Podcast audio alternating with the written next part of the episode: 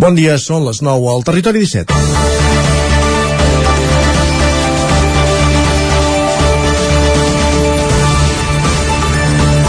L'Atlàntida de Vic ha acollit aquest dijous a la nit la quinzena edició del Premi Usnenc de l'any. Aquest certamen, organitzat anualment per al 9-9, vol posar en valor persones i entitats que durant l'últim exercici hagin destacat especialment en el seu àmbit.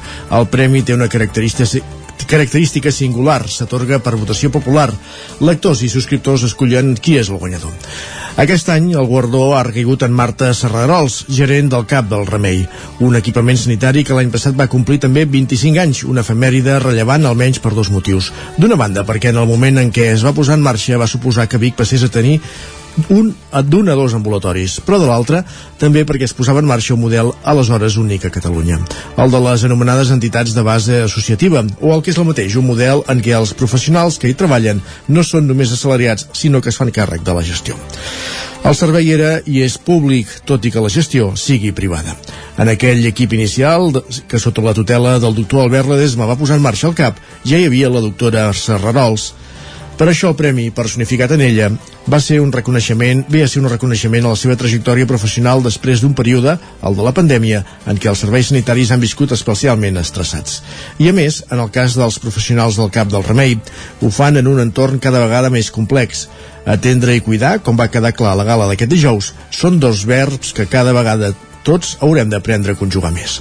Al costat de Serrarols, el dissenyador Ton Granero i la cineasta Clara Roquet van ser els altres finalistes d'un premi que, com tots els certàmens similars, té un taló d'Aquiles, només pot haver-hi un guanyador, i és que tots els candidats acrediten mèrits sobrats per rebre el reconeixement en el marc d'una gala que també serveix per fer comunitat, enfortir lligams i prendre consciència de la multitud d'iniciatives que germinen, creixen i es consoliden a Osona. N'és una mostra que a la gala també hi s'hi atorguin guardons de la Cambra d'Osona i del Consell Comarcal. La Cambra dona el Premi a la Innovació i el Talent, que va recaure en la investigadora Violeta Sánchez, mentre que el Consell Comarcal lliura el Premi Promesa, que va ser per la futbolista Bruna Vilamala. Un baròmetre del talent de la comarca. És divendres, 27 de maig de 2022. A les portes d'un nou cap de setmana comença el Territori 17 a la sintonia de la veu de Sant Joan, Ona Codinenca, Ràdio Cardedeu, Ràdio Vic, el 9 FM i el 9 TV. Territori 17 amb Isaac Moreno i Jordi Sunyer.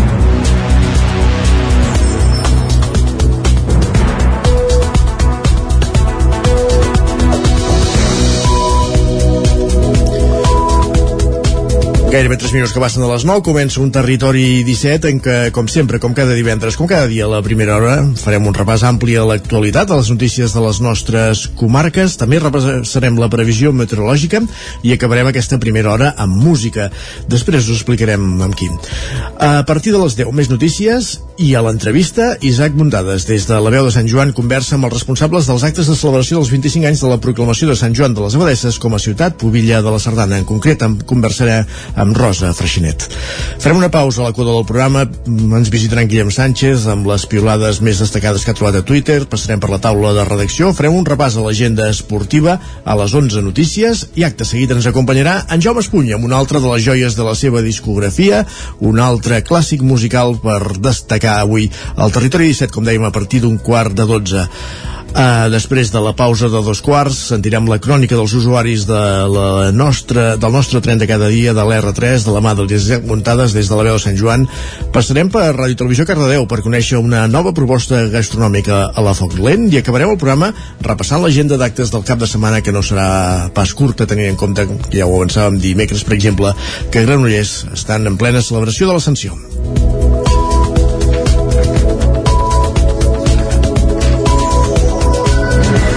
Dit això, el que fem és posar-nos a repassar l'actualitat de les nostres comarques i ho fem a Osona. Marta Serrarols, com dèiem a la portada, gerent del CAP del Remei de Vic, usonenca de l'any 2021, ha estat proclamada aquest dijous al vespre. El seu discurs ha lluat la medicina familiar i comunitària. Els dos altres finalistes han sigut la cineasta Clara Roquet i el dissenyador gràfic Tom Granero, Clàudia Dinarès.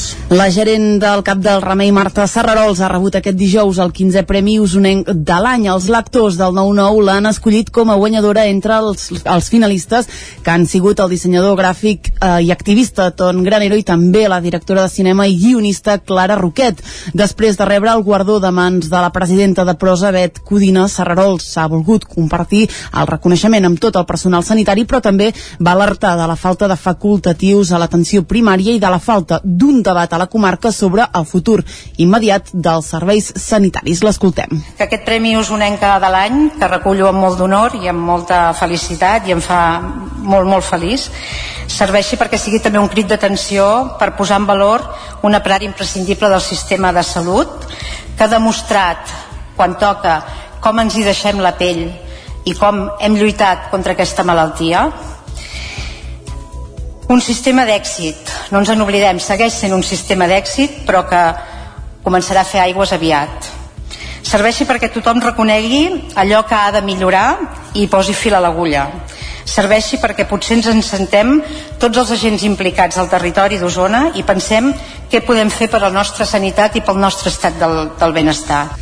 La gala que es va emetre en directe pel Nou TV es va fer a la sala Joaquim Maideu de l'Atlàntida de Vic. En el seu transcurs també es va lliurar el Premi a la Innovació i al Talent de la Cambra d'Osona que va recaure en la investigadora manlleuenca Violeta Sánchez i el Premi Promesa del Consell Comarcal. En aquest cas, la guardonada ha sigut la futbolista de Borgunyà Bruna Vilamala.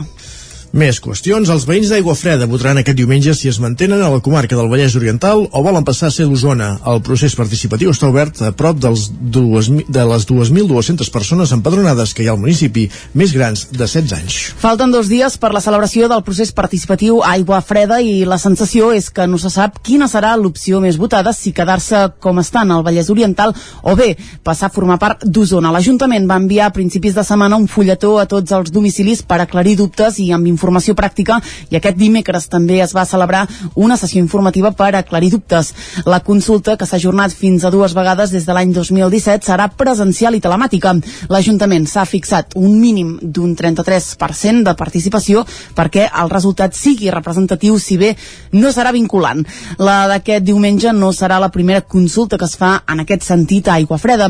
L'any 1987 els veïns ja van decidir que volien continuar al Vallès Oriental. En aquell moment va tenir un especial pes l'atenció sanitària a l'Hospital de Granollers, atès que encara no existia l'actual Hospital de Vic. La nova consulta s'havia d'haver fet l'estiu del 2017, però per proximitat amb el referèndum de l'1 d'octubre es va decidir suspendre. La pandèmia també va impedir fer-la durant la primavera del 2020. Els resultats de la consulta no es coneixeran fins dimarts, ja que es vol comprovar que no hi hagi duplicitats i evitar que voti gent de fora d'aigua freda. I ja que estem en l'actualitat de consultes, una última hora perquè el govern ha anunciat que ajorna la consulta dels Jocs d'hivern fins que no hi hagi un acord amb l'Aragó. S'havia de fer el 24 de juliol i en una segona pregunta s'hi havia inclòs també la comarca del Ripollès. Doncs fins que no hi hagi una candidatura definida, queda ajornada també la consulta sobre els Jocs d'hivern. I seguim parlant de processos participatius, perquè Torelló farà una consulta a la població per decidir si fa festa local per Carnaval o per Roca Prevera.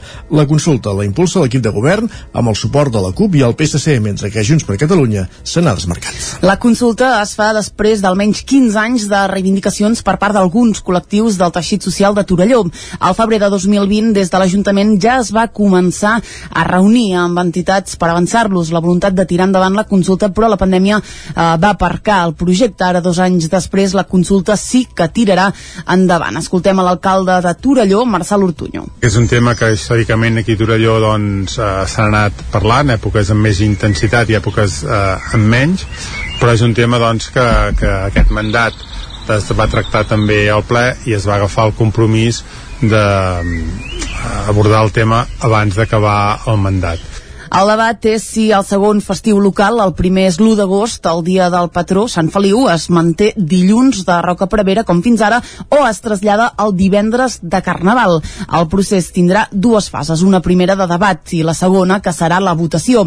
El debat consistirà en una taula rodona que es farà dimecres de la setmana que veu, avançava Francesc Manriquer, regidor de la CUP hi participaran tots els agents implicats amb aquesta decisió. Això vol dir els organitzadors tant de, tant de les festes de Roca Prevera com de les festes de Carnaval, les escoles, que els comerços, que són agents als quals els afecta quin és el, el dia festiu, i l'idea és que sigui una taula rodona on es pugui debatre entorn a, a, a què és més idoni, on tothom pugui defensar l'opció que cregui. A partir d'aquí l'idea és poder fer un argumentari amb totes aquestes opinions que hagin sorgit per, per poder-ho eh, fer en format octaveta per poder-ho fer arribar a totes les cases i que així tots els ciutadans de Torelló les votacions seran telemàtiques i podrà participar tothom que tingui 16 anys i estigui empadronat a Torelló. També s'habilitaran dos punts físics de votació assistida a l'Espona i al Punt Jove. Es faran entre el 20 de juny i el 10 de juliol i després el ple aprovarà els festius de 2023 amb l'opció guanyadora. Anem cap al Ripollès perquè Sant Joan de les Abadesses vol connectar la, de, la depuradora de Calgat amb la del municipi per estalviar-se pagar 25.000 euros de manteniment a l'any. Isaac Muntades, des de la veu de Sant Joan. El ple de Sant Joan de les Abadeses d'aquest dimecres va aprovar per unanimitat la pròrroga del conveni de col·laboració subscrit amb el Consell Comarcal per la licitació del servei de manteniment i l'explotació de la depuradora que es troba ubicada al final del vial del polígon industrial de Calgat, la qual recull les aigües brutes que hi ha en aquell vial. Fins fa 4 anys, la gestió i el cost del manteniment anava càrrec de l'Agència Catalana de l'Aigua, però aquest ens va considerar que es tractava d'una depuradora municipal i arran del nou concurs que va fer-se va passar-la a pagar l'Ajuntament. L'alcalde Ramon Roquer de Més explicava que ja tenen una solució perquè no n'hagin de pagar més el cost del manteniment i la gestió. Aquesta depuradora, el seu manteniment i gestió li correspon pagar directament a l'Ajuntament. He explicat que tenim un projecte per poder connectar aquesta depuradora precisament amb la depuradora de Sant Joan per estalviar-nos el que és el manteniment i la gestió d'aquesta depuradora. Estem parlant d'uns 25.000 euros anuals, que crec que ens els podem estalviar si la connectem amb la depuradora. Estem parlant d'una inversió d'uns 100.000 euros, nosaltres ja estem treballant amb l'ACA doncs, per fer això possible. Sí que és veritat que està condicionat a una inversió que s'ha de fer la depuradora, eh, de cara a una ampliació i que pugui absorbir aquestes aigües brutes. Ara mateix l'ACA encara no ha fet aquesta ampliació de la depuradora de Sant Joan, que permetria connectar-la amb la de Calgat i atendre demandes futures d'altres zones residencials o industrials que es preveu que creixin com la colònia Lleudet. Tot i això, la inversió sí que està prevista en el pla d'inversions de l'entitat per executar-se entre el 2028 i 2030. El consistori està batallant perquè es pugui fer abans i la vol feta entre el 2023 i el 2025. La regidora d'Esquerra Republicana de Catalunya, Elisenda Guillaumes, va fer-li una pregunta a l'alcalde sobre els costos. Des de la connexió amb la depuradora Sant Joan, que estalviaries els 25.000 euros segurament del manteniment d'aquesta, però estem parlant aigües amunt, per tant hauríem de bombejar amb el sí. cost energètic que això considera. Roquer va dir que com que la inversió és de 100.000 euros estaria amortitzada en 4 anys i que llavors només s'haurien de pagar aquests costos energètics que no serien equivalents a zero, però que serien mínims. L'expresident de la Generalitat, Quim Torra, i la diputada de Guanyem Catalunya, Dolors Sabater, visiten Sant Feliu de Codines amb motiu de la presentació del llibre de Torra a les hores incertes, que era el campàs a una codinenca.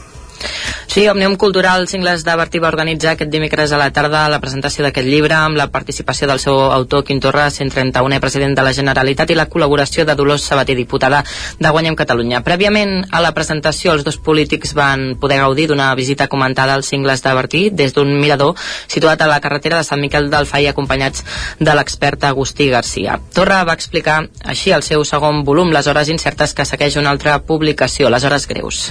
Bé, és un dietari i per tant el lector es trobarà les meves anotacions que jo anava aprenent cada dia des que em vaig confinar a Canonges doncs el 15 de març fins que vaig ser inhabilitat. De fet van ser dos llibres, aquest recull doncs a partir de l'1 de maig i totes aquelles emocions, tots aquells, eh, totes aquelles decisions o totes aquelles, aquells sentiments o, o aquelles lectures o aquelles trobades jo anava apuntant tot el que per mi era important doncs, durant aquells dies i això és el que ara poso a l'abast del lector. Torra també es va referir a la situació política actual on creu que manca un objectiu clar per arribar a la independència i que cal marcar una data. Sí, sí, és que jo no veig l'objectiu en lloc. Vull dir que malauradament aquesta penso que, que des del moviment independentista és una crítica molt compartida que es fa eh, fiar-ho a una taula de diàleg que no té cap possibilitat és per mi un error i el que és absolutament evident que necessitem doncs és tornar a fixar un objectiu concret, un objectiu fins i tot amb una data concreta, no? Eh, perquè és la manera que tenim de, de, de, de tots plegats de tornar a agafar aquella determinació que, que l'any 2015, en les eleccions del 2015, ens van portar doncs, a l'acte de ruptura democràtica que va ser el, el referèndum del 1 d'octubre. D'altra banda, Dolors Sabater va remarcar la importància que dues persones de dos partits polítics diferents col·laborin en un acte com aquest. D'una banda té una lectura eh, que humanitza la política, no? I que posa l'accent també en aquesta necessitat de la transversalitat de, de que una cosa és que tinguem eh, opinions polítiques diferents als espais polítics que representem i una altra que humanament i com a persones d'un país i que compartim projecte independentista doncs puguem puguem estar parlant al voltant del seu llibre. No? Amb dos polítics van passar per l'Ajuntament de Sant Feliu de Codines per signar el llibre d'honor de la vila prèviament a la presentació del llibre. Més qüestions, gràcies, Carals. Les carnisseries Can de Malleu i Can Vilada de Vic queden en primer i segon lloc a la cinquena edició del concurs nacional de llonganissa tradicional en la categoria Plana de Vic.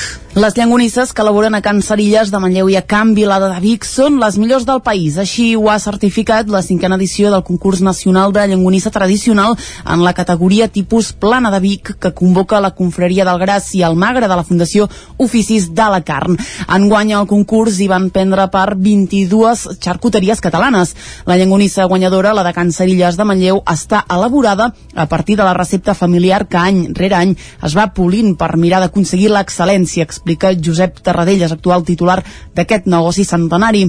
La segona posició en la mateixa categoria va ser per la llangonissa de Can Vilada de Vic, que van repetir la mateixa posició que ja van obtenir l'any 2018.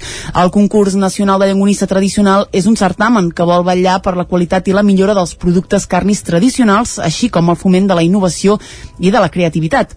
A més de la categoria de llangonissa tradicional tipus plana de Vic, també hi havia la tipus pagès i la de sense floritura. Entre el jurat hi havia noms com els de Salvador García Arbós, Jaume Mora, Dolors Guàrdia o l'usonenc Pep Palau. En anteriors convocatòries, altres xarcuters usonencs també havien recollit guardons en aquesta categoria pròpia del territori. Destaca la cancel·laderia Molís de Manlleu, que va guanyant la primera i la quarta edició, i la carnisseria Colom Vila, també de Manlleu, que es va imposar en la tercera. La confraria del Gras i el Magre Magre és una entitat sense ànim de lucre fundada l'any 2005 en el marc de la Fundació Oficis de la Carn. Actualment aplega més d'un centenar de mestres artesans carnissers, canceladers i xarcuters amb una notable representació usonenca. Més qüestions, la festa major autogestionada de Cardedeu celebra aquest any el 20è aniversari. Després de dos anys sense celebrar-se, per la pandèmia han tornat a organitzar la festa al pati d'en Zidro. Artistes, iniciatives locals com ara l'Evico o la Paqui Raps han estat els protagonistes d'aquesta festa. Núria Lázaro, Ràdio Televisió, Cardedeu. La festa major autogestionada de Cardedeu ha organitzat concerts i actes populars a Vilapàquita amb la mirada posada en la celebració aquest agost dels seus 20 anys de trajectòria al poble.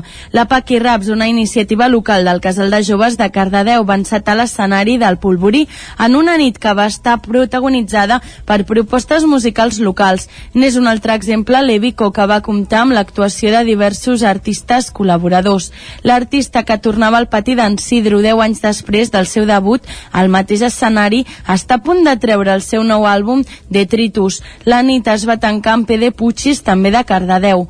Els ballesans Apache no es van voler perdre aquesta festa i presentar així l'estrena del seu EP sota el títol Arde Fun Session. Aquest pati d'en Sidro ha engegat motors de cara al 20è aniversari que el Polvorí celebrarà aquest agost a la plaça durant la festa major. L'organització està avançant amb la celebració dels 20 anys amb diversos actes com ara el vermut musical del passat dissabte amb un concert de subversions i d'altres propostes que s'anunciaran properament. Fa dues dècades l'Assemblea del Casal Popular La Traca, al Bressol del Polvorí, començava a fer les seves primeres passes al seu local al carrer Paugesa, des d'on es va idear i fer la primera edició del que seria la Festa Major autogestionada de Cardedeu. Ràpidament s'hi van incorporar nous col·lectius i el projecte van agafant força fins a convertir-se en un model alternatiu a la Festa Major que s'havia viscut fins llavors i fins a fer el pas convençut cap a l'autogestió. El Polvorí avui ja consolidat a la plaça Sant Joan és no només un espai de festa, sinó que també ha volgut ser un espai de lluita i conscienciació per a un oci alternatiu i que també donés visibilitat a les moltes lluites que s'han fet a Cardedeu. Doncs amb aquest aniversari d'aquesta festa major alternativa de Cardedeu arribem al final d'aquest repàs informatiu que començàvem a les 9 en companyia de Clàudia Dinarès, Núria Lázaro, Caral Campàs Isaac Muntades, moment ara de saludar en Pep Acosta.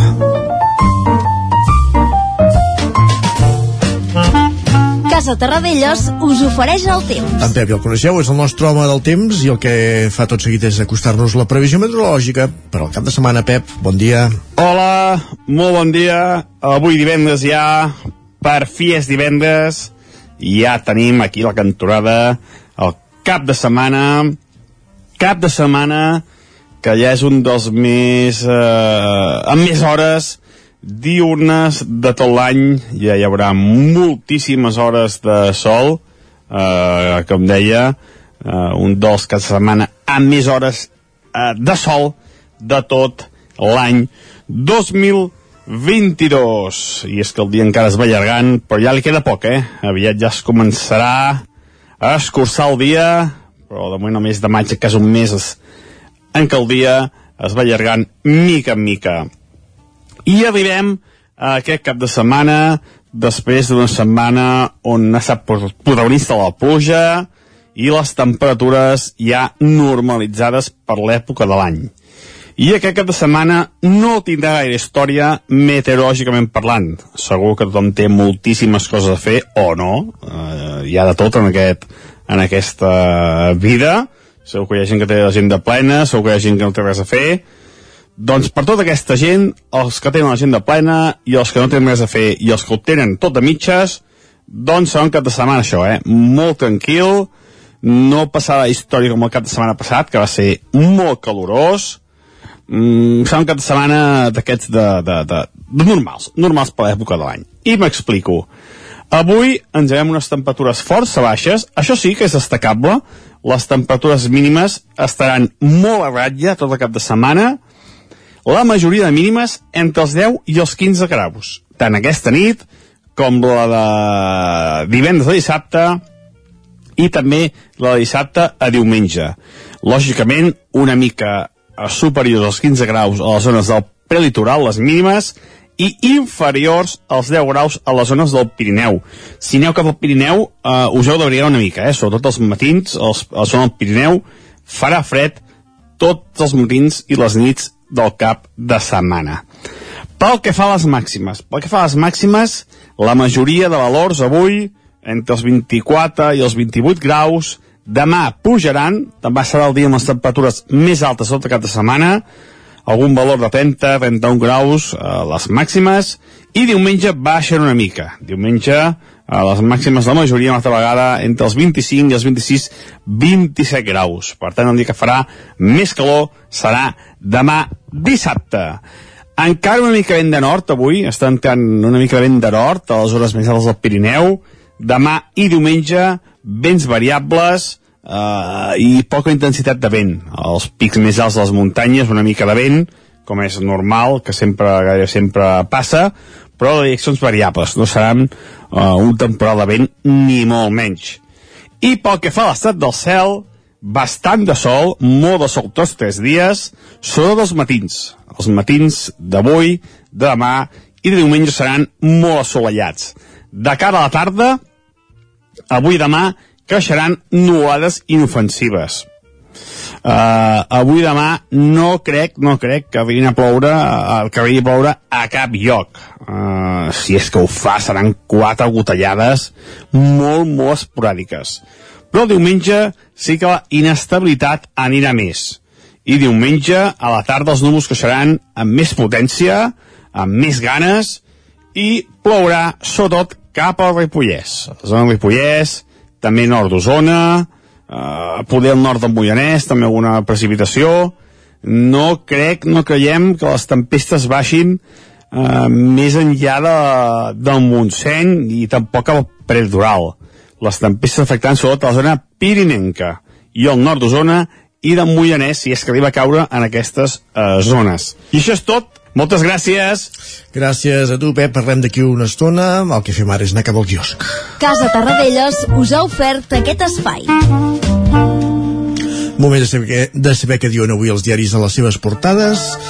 Clàudia, com a bon divendres, comencem per la portada del 9-9, avui només la d'Osona i el Ripollès. Exactament, comencem amb el 9-9 que diu uh, Marta Serrarols, usonenca de l'any, la metgessa de, i gerent del CAP del Remei de Vic, va rebre, uh, com hem dit aquest dijous, el guardó com a usonenca de l'any, una distinció que atorguen els lectors del 9-9. Uh, altres titulars que veiem a la portada, un any abans de les eleccions, més de la meitat dels alcaldes encara no han dit si repetiran. Només 10 de la setantena d'Osona i el Ripollès confirmen que optaran a un nou mandat l'any 2023. Uh, dos titulars i anem a Barcelona. Uns 2.200 veïns d'Aigua Freda poden votar diumenge a uh, passar a Osona o bé mantenir-se al Vallès i el relleu del director de Conforça acaba als jutjats i amb acusacions creuades titulars que podem llegir a la portada del 9-9 d'Osona i el Ripollès, del Vallès Oriental, va sortir ahir, per tant ja la vam repassar i anem cap a les portades editades a Barcelona. Som i comencem com sempre amb el punt avui que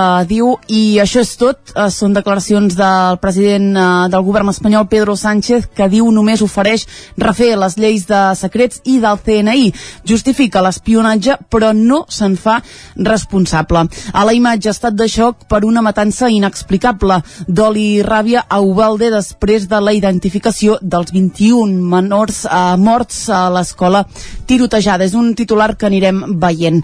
Uh, altres titulars, la varola del Mico ja ha arribat a Catalunya i aprovada la llei del només sí és sí. Anem al diari ara que diu el Partit Socialista ignora Esquerra Republicana i aprova gràcies al Partit Popular la llei de l'audiovisual. A la imatge Cans ovaciona Albert Serra. El Festival de Cans va ovacionar ahir Pacifiction, la pel·lícula d'Albert Serra i la proposta més atrevida i radical d'aquest any a competició. I com veiem eh, fa moment, confirmats quatre casos de la varola del Mico a Catalunya. Anem al periòdico que diu Sánchez per suports i el Partit Popular surt a rescatar-lo. Esquerra rebutja la llei audiovisual que el govern aconsegueix salvar gràcies als populars. A la imatge diuen volen casar, una nena denuncia els seus pares davant dels Mossos per preparar el seu casament per la força a l'estranger. Les dues eh, noies assassinades de Terrassa van viatjar, diu, al Pakistan enganyades. La llei del CSI tira endavant, eh, malgrat les diferències per la prostitució i Catalunya confirma quatre casos de la varola del Mico.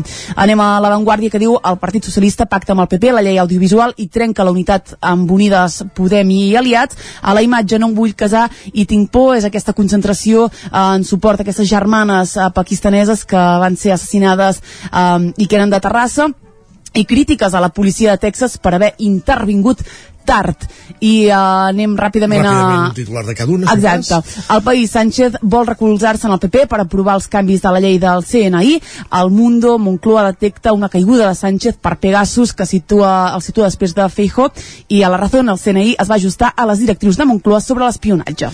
Portades repassades, portades de diaris que trobem avui al quiosc. Fem una pausa ara al Territori 17 i tornem a més actualitat a partir de dos quarts de deu. El nou FM, la ràdio de casa, al 92.8. A El Racó de León ja és primavera.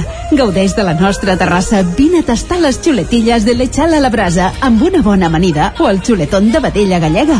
No et pots perdre el nostre lechado de Castilla al forn o el cochinillo a l'estil de Segovia. Tot acompanyat del millor celler, al menjador o fora la terrassa. Descobreix la millor cuina de Lleó sense moure't de casa. Vine amb la família, els amics, la parella o sol. T'encantarà. El racó de León, cuina tradicional lleonesa i de mercat. Som al carrer Torelló número 35 de Vic. Per reserves, telèfon 93 889 1950. El racó de León, una cuina diferent.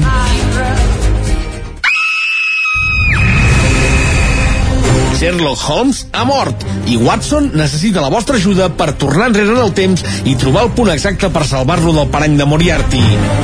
Posa't en la pell del detectiu britànic i resol tots els enigmes en menys de 60 minuts per poder escapar. Elementary Escape Room de Vic, una aventura per a tota la família. Fes la teva reserva per WhatsApp amb el codi La Ràdio de Sherlock i aconseguiràs un 10% de descompte. Ens trobaràs de dijous a diumenge al carrer de la Fusina 22 de Vic per telèfon i WhatsApp al 622 85 54 17 o elementary.cat. Cobertes serveis funeraris. Els nostres tanatoris estan ubicats en els nuclis urbans més poblats de la comarca d'Osona per oferir un millor servei. Tanatori de Vic, Tanatori de Manlleu, Tanatori de Centelles i Tanatori de Roda de Ter. Sabem que són moments difícils i per això el nostre compromís és atendre-us en tot moment amb un tracte humà, sensible i respectuós. Cobertes serveis funeraris. Telèfon 24 hores 93 883 23 46.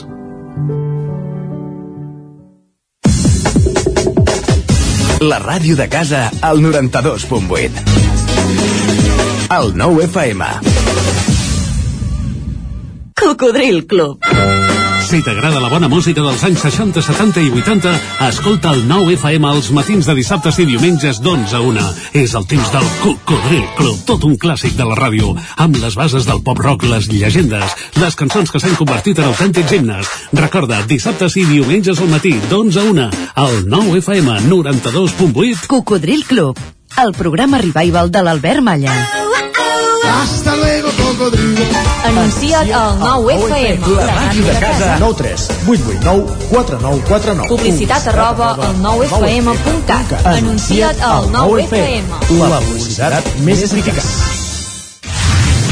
El 9 FM. El 9 FM. El 9 FM. El 9 FM.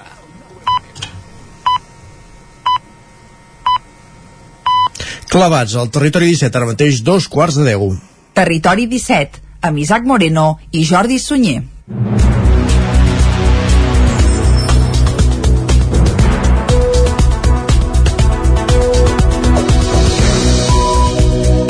Ja sabeu, moment al territori 17 a aquesta hora per posar-nos al dia de repassar les notícies més destacades de les nostres comarques, Osona, el Moianès, el Vallès Oriental i el Ripollès. Abans, però, fem un petit cop d'ull al sumari del programa d'avui, a tot el que tenim preparat per oferir-vos des d'ara fins al punt de les 12, quan acabarem aquest territori 17. Fins a les 10 músic, fins a les 10 actualitat i just abans de les 10 hi posarem música. Música d'una artista usonenca, una artista femenina, que avui presenta el seu nou treball en un concert al Teatre Municipal de Manlleu, allò que fins ara coneixem com a Teatre Centre, un concert que començarà a les 8 del vespre i del qual en donarem més detalls, just abans de les 10 quan escoltem aquesta peça musical. A les 10 ens actualitzarem i anirem cap a l'entrevista a partir d'un quart d'onze. Isaac Muntades, des de la veu de Sant Joan, conversa amb Rosa Freixenet per parlar dels actes que s'han preparat per aquest cap de setmana a Sant Joan de les Abadesses per celebrar els 25 anys de la proclamació de Sant Joan com a ciutat pubilla de la Sardana.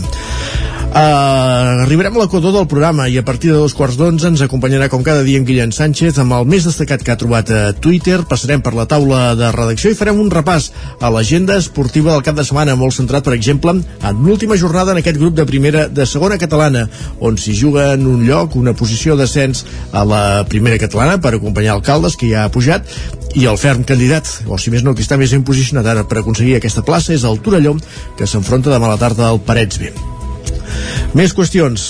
Un cop haguem repassat l'agenda esportiva del cap de setmana, notícies de les 11 i tot seguit ens visitarà com cada divendres en Jaume Espuny amb un disc sota el braç, amb una de les joies de la seva discoteca per repassar un clàssic musical i gaudir amb ell, amb el disc, amb en Jaume Espuny i amb la música que, que ens porti. Passarem per la R3 just després de, la pausa de dos quarts de 12 amb les cròniques que ens acosten cada dia als usuaris, als oferts usuaris de la línia R3 de la tren d'Alba amb l'Isaac Muntades des de la veu de Sant Joan. Anirem fins a Ràdio Televisió Cardedeu per conèixer una nova proposta gastronòmica a la Foc Lent, avui en companyia de l'Òscar Muñoz i acabarem el programa fent un repàs a l'agenda d'actes del cap de setmana des, dels diferent, des de les diferents redaccions del territori 17. Tot això, com dèiem, des d'ara i fins a les 12 i mentrestant el que fem és posar-nos al dia amb les notícies més destacades de les nostres comarques. Ja ho sabeu, el Ripollès, Osona, el Moianès i el Vallès Oriental.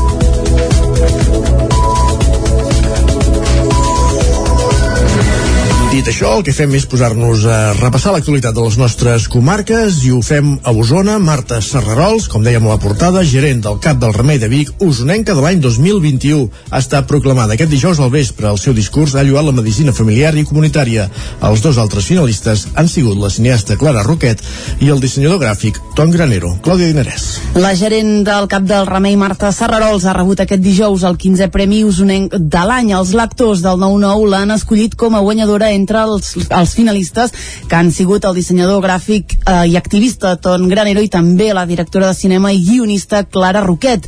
Després de rebre el guardó de mans de la presidenta de prosa Bet Codina, Serrarols s'ha volgut compartir el reconeixement amb tot el personal sanitari però també va alertar de la falta de facultatius a l'atenció primària i de la falta d'un debat a la comarca sobre el futur immediat dels serveis sanitaris. L'escoltem. Que aquest Premi Usonenca de l'any, que recullo amb molt d'honor i amb molta felicitat i em fa molt, molt feliç, serveixi perquè sigui també un crit d'atenció per posar en valor un aparat imprescindible del sistema de salut que ha demostrat quan toca com ens hi deixem la pell i com hem lluitat contra aquesta malaltia.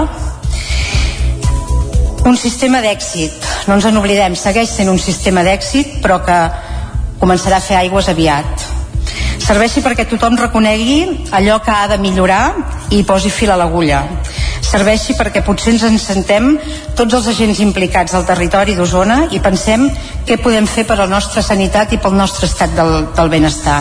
La gala que es va emetre en directe pel Nou TV es va fer a la sala Joaquim Maideu de l'Atlàntida de Vic. En el seu transcurs també es va lliurar el Premi a la Innovació i al Talent de la Cambra d'Osona que va recaure en la investigadora manlleuenca Violeta Sánchez i el Premi Promesa del Consell Comarcal. En aquest cas, la guardonada ha sigut la futbolista de Borgunyà Bruna Vilamala.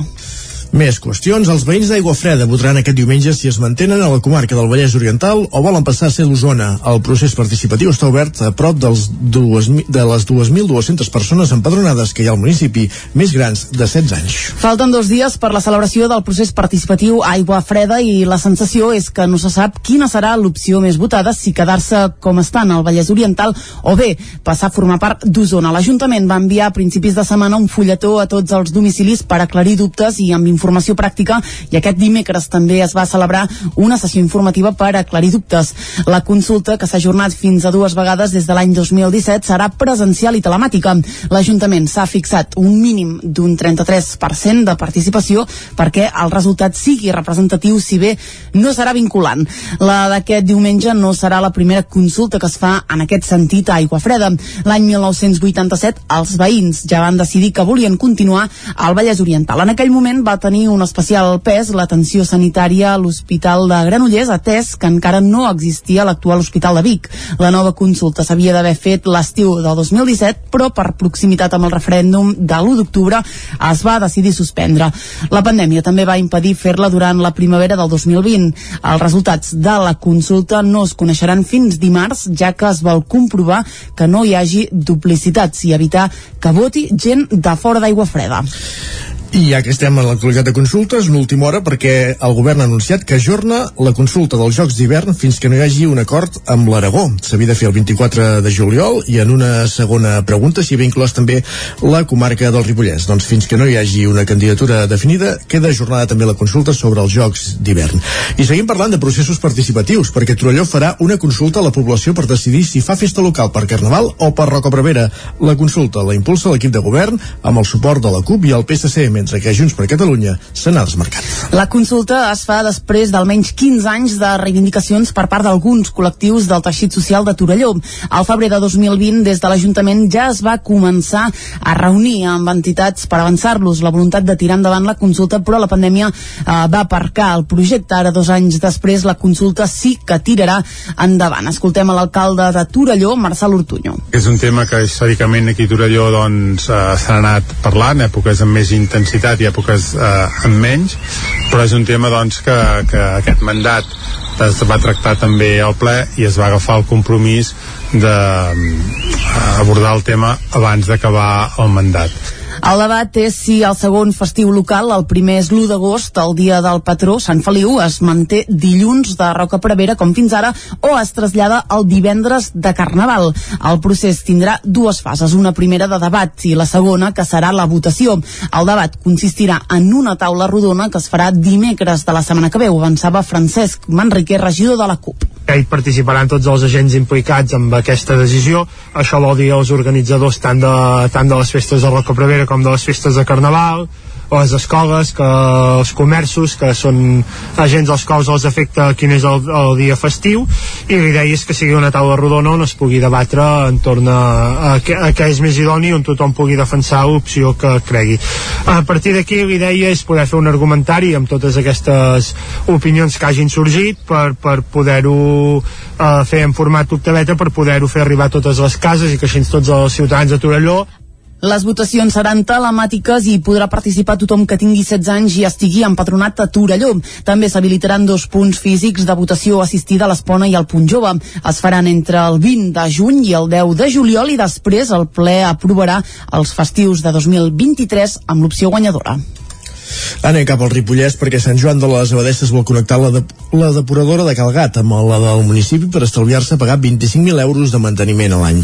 Isaac Muntades, des de la veu de Sant Joan. El ple de Sant Joan de les Abadeses d'aquest dimecres va aprovar per unanimitat la pròrroga del conveni de col·laboració subscrit amb el Consell Comarcal per la licitació del servei de manteniment i l'explotació de la depuradora que es troba ubicada al final del vial del polígon industrial de Calgat, la qual recull les aigües brutes que hi ha en aquell vial. Fins fa 4 anys, la gestió i el cost del manteniment anava a càrrec de l'Agència Catalana de l'Aigua, però aquest ens va considerar que es tractava d'una depuradora municipal i arran del nou concurs que va fer-se va passar-la a pagar l'Ajuntament. L'alcalde Ramon Roquer de Més explicava que ja tenen una solució perquè no n'hagin de pagar més el cost del manteniment i la gestió. Aquesta depuradora, el seu manteniment i gestió li correspon pagar directament a l'Ajuntament. He explicat que tenim un projecte per poder connectar aquesta depuradora precisament amb la depuradora de Sant Joan per estalviar-nos el que és el manteniment i la gestió d'aquesta depuradora. Estem parlant d'uns 25.000 euros anuals, que crec que ens els podem estalviar si la connectem amb la depuradora. Estem parlant d'una inversió d'uns 100.000 euros, nosaltres ja estem treballant amb l'ACA doncs, per fer això possible. Sí que és veritat que està condicionat a una inversió que s'ha de fer la depuradora, eh, de cara a una ampliació i que pugui absorbir aquestes aigües brutes. Ara mateix l'ACA encara no ha fet aquesta ampliació de la depuradora de Sant Joan, que permetria connectar-la amb la de Calgat i atendre demandes futures d'altres zones residencials o industrials que es preveu que creixin com la colònia Lleudet. Tot i això, la inversió sí que està prevista en el pla d'inversions de l'entitat per executar-se entre el 2028 i 2030. El consistori està batallant perquè es pugui fer abans i la vol feta entre el 2023 i el 2025. La regidora d'Esquerra Republicana de Catalunya, Elisenda Guillaume, va fer-li una pregunta a l'alcalde sobre els costos. Des de la connexió amb la depuradora Sant Joan, que estalviaries els 25.000 euros segurament del manteniment d'aquesta, però estem parlant aigües amunt, per tant hauríem de bombejar amb el sí. cost energètic que això possible. Roquer va dir que com que la inversió és de 100.000 euros estaria amortitzada en 4 anys i que llavors només s'haurien de pagar aquests costos energètics que no serien equivalents a zero, però que serien mínims. L'expresident de la Generalitat, Quim Torra, i la diputada de Guanyem Catalunya, Dolors Sabater, visiten Sant Feliu de Codines amb motiu de la presentació del llibre de Torra a les hores incertes, que era el campàs a una codinenca. Sí, Òmnium Cultural Cingles de Bertí va organitzar aquest dimecres a la tarda la presentació d'aquest llibre amb la participació del seu autor Quim Torra, 131è president de la Generalitat i la col·laboració de Dolors Sabater, diputada de Guanyem Catalunya. Prèviament a la presentació, els dos polítics van poder gaudir d'una visita comentada als Cingles de Bertí des d'un mirador situat a la carretera de Sant Miquel del Fai acompanyats de l'expert Agustí Garcia. Torra va explicar així el seu segon volum, Les hores incertes, que segueix una altra publicació, Les hores greus. Bé, és un dietari i per tant el lector es trobarà les meves anotacions que jo anava aprenent cada dia des que em vaig confinar a Canonges doncs el 15 de març fins que vaig ser inhabilitat. De fet van ser dos llibres, aquest recull doncs a partir de l'1 de maig i totes aquelles emocions tots aquells, eh, totes aquelles decisions o totes aquelles, aquells sentiments o, o aquelles lectures o aquelles trobades. Jo anava apuntant tot el que per mi era important doncs, durant aquells dies i això és el que ara poso a l'abast del lector. Torra també es va referir a la situació política actual on creu que manca un objectiu clar per arribar a la independència i que cal marcar una data Sí, sí, és que jo no veig l'objectiu en lloc.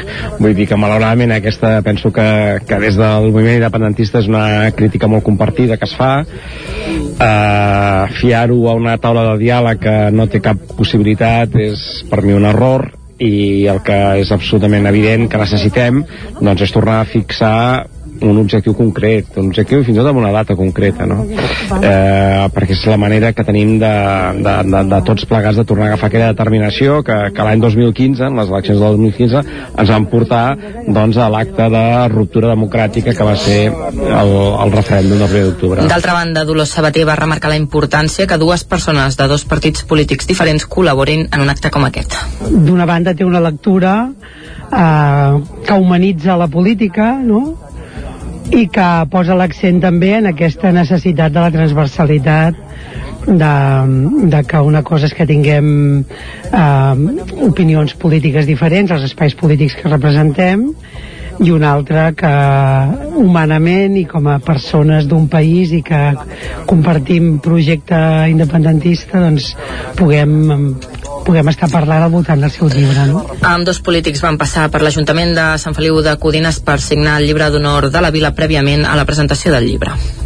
Més qüestions, gràcies, Carals. Les carnisseries Cancerilles de Manlleu i Can Vilada de Vic queden en primer i segon lloc a la cinquena edició del concurs nacional de llonganissa tradicional en la categoria Plana de Vic. Les llangonisses que elaboren a Cancerilles de Manlleu i a Can Vilada de Vic són les millors del país. Així ho ha certificat la cinquena edició del concurs nacional de llangonissa tradicional en la categoria tipus Plana de Vic que convoca la confraria del Gras i el Magre de la Fundació Oficis de la Carn. Enguany al concurs hi van prendre part 22 xarcuteries catalanes catalanes. La llangonissa guanyadora, la de Can Cerilles de Manlleu, està elaborada a partir de la recepta familiar que any rere any es va polint per mirar d'aconseguir l'excel·lència, explica Josep Tarradellas, actual titular d'aquest negoci centenari. La segona posició en la mateixa categoria va ser per la llangonissa de Can Vilada de Vic, que van repetir la mateixa posició que ja van obtenir l'any 2018. El concurs nacional de llangonissa tradicional és un certamen que vol vetllar per la qualitat i la millora dels productes carnis tradicionals, així així com el foment de la innovació i de la creativitat. A més de la categoria de llangonissa tradicional tipus plana de Vic, també hi havia la tipus pagès i la de sense floritura.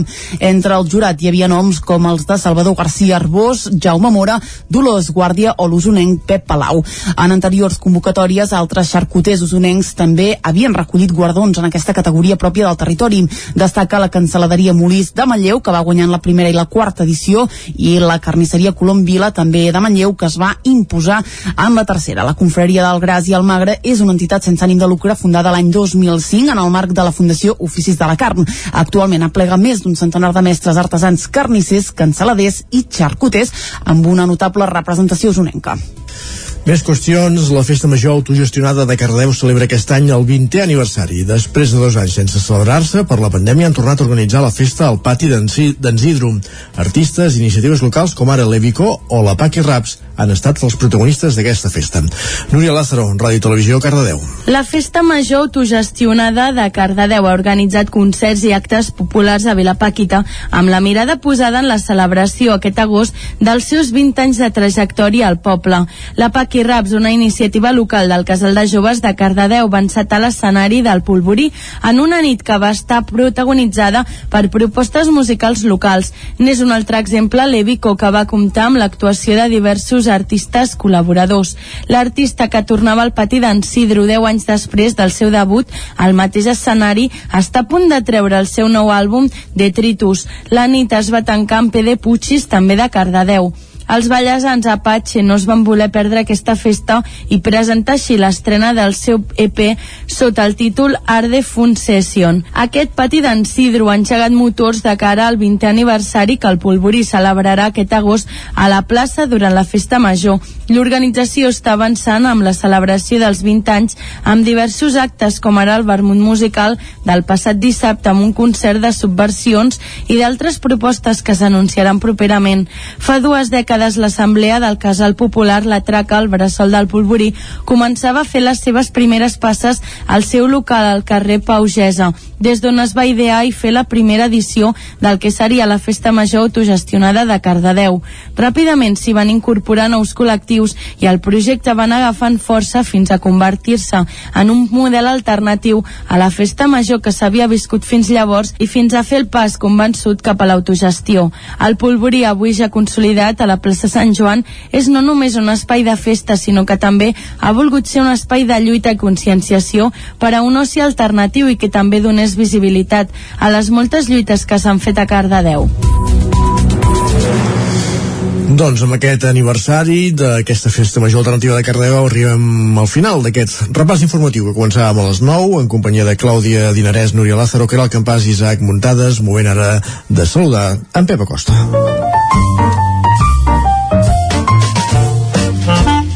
Casa Terradellos us ofereix el temps. En Pep ja el coneixeu, és el nostre home del temps i el que fa tot seguit és acostar-nos la previsió meteorològica per al cap de setmana. Pep, bon dia.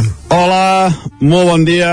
Avui divendres ja, per fi és divendres, ja tenim aquí la cantorada, el cap de setmana, cap de setmana que ja és un dels més... Eh, amb més hores diurnes de tot l'any ja hi haurà moltíssimes hores de sol eh, com deia eh, un dels que setmana amb més hores eh, de sol de tot l'any 2022 i és que el dia encara es va allargant però ja li queda poc eh? Aviat ja es començarà a escurçar el dia però de moment mes de maig que és un mes en què el dia es va allargant mica en mica i arribem a aquest cap de setmana després d'una setmana on ha estat protagonista la pluja i les temperatures ja normalitzades per l'època de l'any.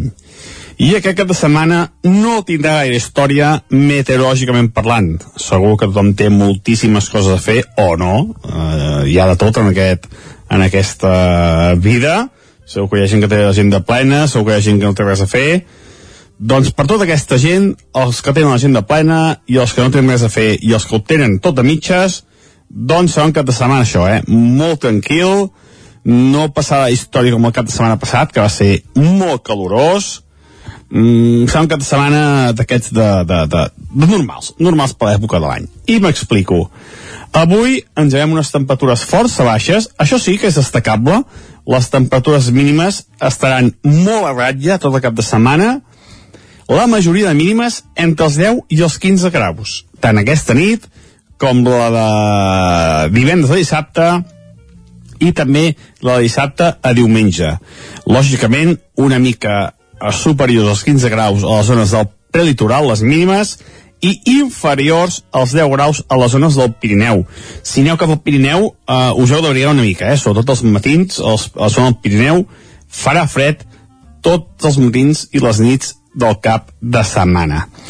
Pel que fa a les màximes, pel que fa a les màximes, la majoria de valors avui, entre els 24 i els 28 graus, demà pujaran, també serà el dia amb les temperatures més altes tot cap de setmana, algun valor de 30, 31 graus eh, les màximes, i diumenge baixen una mica. Diumenge a les màximes de la majoria una altra vegada entre els 25 i els 26 27 graus. Per tant el dia que farà més calor serà demà dissabte. Encara una mica vent de nord avui. Està entrant una mica vent de nord a les hores més altes del Pirineu. Demà i diumenge vents variables eh, i poca intensitat de vent. Els pics més alts de les muntanyes una mica de vent com és normal, que sempre, sempre passa, però de direccions variables, no seran uh, un temporal de vent ni molt menys. I pel que fa a l'estat del cel, bastant de sol, molt de sol tots tres dies, sobretot els matins. Els matins d'avui, de demà i de diumenge seran molt assolellats. De cara a la tarda, avui i demà creixeran nuades inofensives. Uh, avui demà no crec, no crec que vinguin a ploure, uh, que vinguin a ploure a cap lloc. Uh, si és que ho fa, seran quatre gotellades molt, molt esporàdiques. Però diumenge sí que la inestabilitat anirà més. I diumenge, a la tarda, els núvols creixeran amb més potència, amb més ganes, i plourà, sobretot, cap al Ripollès. La zona del Ripollès, també nord d'Osona, uh, poder al nord del Moianès, també alguna precipitació. No crec, no creiem que les tempestes baixin uh, més enllà de, del Montseny i tampoc al Prelitoral. Les tempestes afectant sobretot a la zona pirinenca i al nord d'Osona i del Moianès si és que arriba a caure en aquestes uh, zones. I això és tot. Moltes gràcies. Gràcies a tu, Pep. Parlem d'aquí una estona. El que fem ara és anar cap al quiosc. Casa Tarradellas us ha ofert aquest espai. Moment de saber, de saber què diuen avui els diaris a les seves portades. Clàudia, com a bon divendres, comencem per la portada del 9-9, avui només la d'Osona i el Ripollès. Exactament, comencem amb el 9-9 que diu uh, Marta Serrarols, usonenca de l'any, la metgessa de, i gerent del CAP del Remei de Vic, va rebre, uh, com hem dit aquest dijous, el guardó com a usonenca de l'any, una distinció que atorguen els lectors del 9-9. Uh, altres titulars que veiem a la portada, un any abans de les eleccions, més de la meitat dels alcaldes encara no han dit si repetiran. Només 10 de la setantena d'Osona i el Ripollès confirmen que optaran a un nou mandat l'any 2023. Uh, dos titulars i anem a Barcelona. Uns 2.200 veïns d'Aigua Freda poden votar diumenge a uh, passar a Osona o bé mantenir-se al Vallès i el relleu del director de Conforça acaba als jutjats i amb acusacions creuades. Titulars que podem llegir a la portada del 9-9 d'Osona i el Ripollès, del Vallès Oriental, va sortir ahir, per tant ja la vam repassar i anem cap a les portades editades a Barcelona. Som i comencem com sempre amb el punt avui que diu i això és tot, eh, són declaracions del president eh, del govern espanyol Pedro Sánchez que diu només ofereix refer les lleis de secrets i del CNI. Justifica l'espionatge però no se'n fa responsable. A la imatge estat de xoc per una matança inexplicable d'oli i ràbia a Ubalde després de la identificació dels 21 menors eh, morts a l'escola tirotejada. És un titular que anirem veient. Uh, altres titulars, la varola del Mico ja ha arribat a Catalunya i aprovada la llei del només sí és sí. Anem al diari ara que diu el Partit Socialista ignora Esquerra Republicana i aprova gràcies al Partit Popular la llei de l'audiovisual. A la imatge Cans ovaciona Albert Serra. El Festival de Cans va ovacionar ahir Pacifiction, la pel·lícula d'Albert Serra i la proposta més atrevida i radical d'aquest any a competició. I com veiem eh, fa un moment, confirmats quatre casos de la varola del Mico a Catalunya. Anem al periòdico que diu Sánchez per suports i el Partit Popular surt a rescatar-lo. Esquerra rebutja la llei audiovisual que el govern aconsegueix salvar gràcies als populars. A la imatge diuen volen casar, una nena denuncia els seus pares davant dels Mossos per preparar el seu casament per la força a l'estranger. Les dues eh, noies assassinades de Terrassa van viatjar, diu, al Pakistan enganyades. La llei del CSI tira endavant, eh, malgrat les diferències per la prostitució i Catalunya confirma quatre casos de la varola del Mico. Anem a l'avantguàrdia que diu el Partit Socialista pacta amb el PP la llei audiovisual i trenca la unitat amb Unides Podem i aliats. A la imatge no em vull casar i tinc por és aquesta concentració en suport a aquestes germanes eh, pakistaneses que van ser assassinades eh, i que eren de Terrassa i crítiques a la policia de Texas per haver intervingut tard i uh, anem ràpidament, Ràpidament, un titular de cada una. Exacte. El país Sánchez vol recolzar-se en el PP per aprovar els canvis de la llei del CNI. El Mundo, Moncloa detecta una caiguda de Sánchez per Pegasus que situa, el situa després de Feijo i a la raó el CNI es va ajustar a les directrius de Moncloa sobre l'espionatge. Doncs portades repassades, tot seguit al territori 17, el que continuem és fins a arribar a les 10 amb música.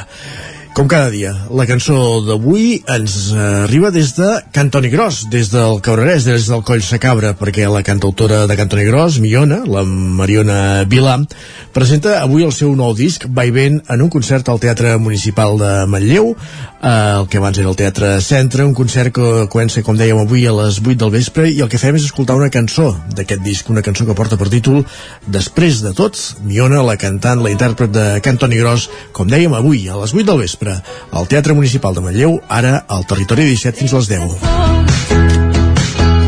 Segueixes amb la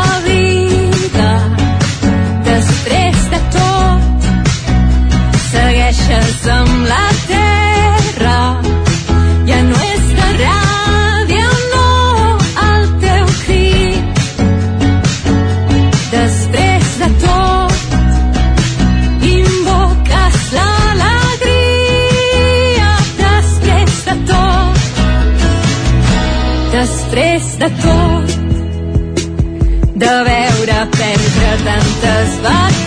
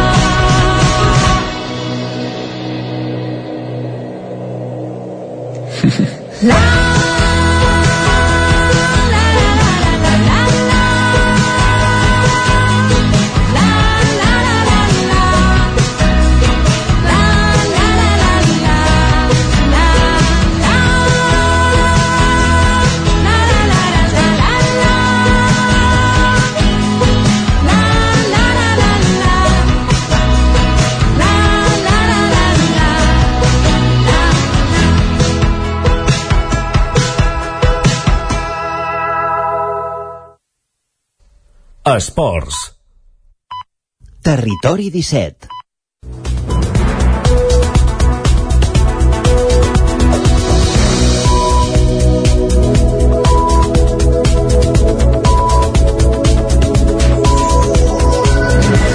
És divendres 27 de maig de 2022. El moment, al territori 17, de posar-nos al dia, d'actualitzar-nos amb les notícies més destacades de casa nostra, les notícies de les comarques del Ripollès, el Moianès, Osona i el Vallès Oriental, i ho fem en connexió amb les diferents emissores que dia a dia fan possible el territori 17. La veu de Sant Joan, Ona Codinenca, Ràdio Cardedeu, Ràdio Vic, el 9 FM i el 9 TV.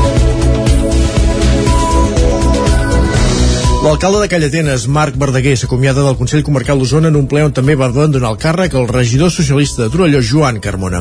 Verdaguer, de Junts per Catalunya, fa unes setmanes que va substituir Josep Arimany com a diputat provincial. Clàudia Dinarès. Aplaudiments dimecres al vespre a la sala de consellers del Consell Comarcal d'Osona en el ple de comiat de Marc Verdaguer i Joan Carmona, l'alcalde de Callatenes i el regidor socialista de Torelló han renunciat al càrrec de consellers. A Carmona, que s'acomiadava del càrrec agraint la feina feta al Consell i al personal de la casa, el substituirà Roser Roma. Escoltem a Joan Carmona en el seu discurs de comiat. Eh, jo vull mostrar el meu agraïment donant les gràcies a totes les conselleres, consellers i a tot el personal de la casa pel tracte que m'han dispensat.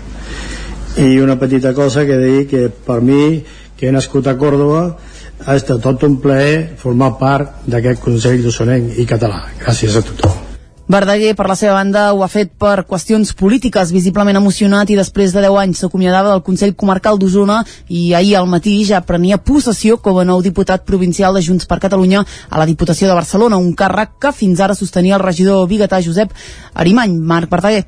Al llarg d'aquestes legislatures també m'agradaria doncs, recordar que des del Consell Comarcal d'Osona hem estat un Consell Comarcal pioner en tot Catalunya no? i que hem iniciat doncs, projectes com per exemple no? des de l'Agència d'Energia d'Osona com tot el tema de gestió doncs, de residus que hem set un model, hem set un exemple que ens han seguit molts consells comarcals ara tot el subministrament d'aigua en baixa vull dir que us animo i us encoratjo que continuï sent així eh? molts encerts, molta sort i doncs per part meva des de la Diputació poder ajudar doncs, en el que faci falta i ens teniu doncs, a la vostra disposició.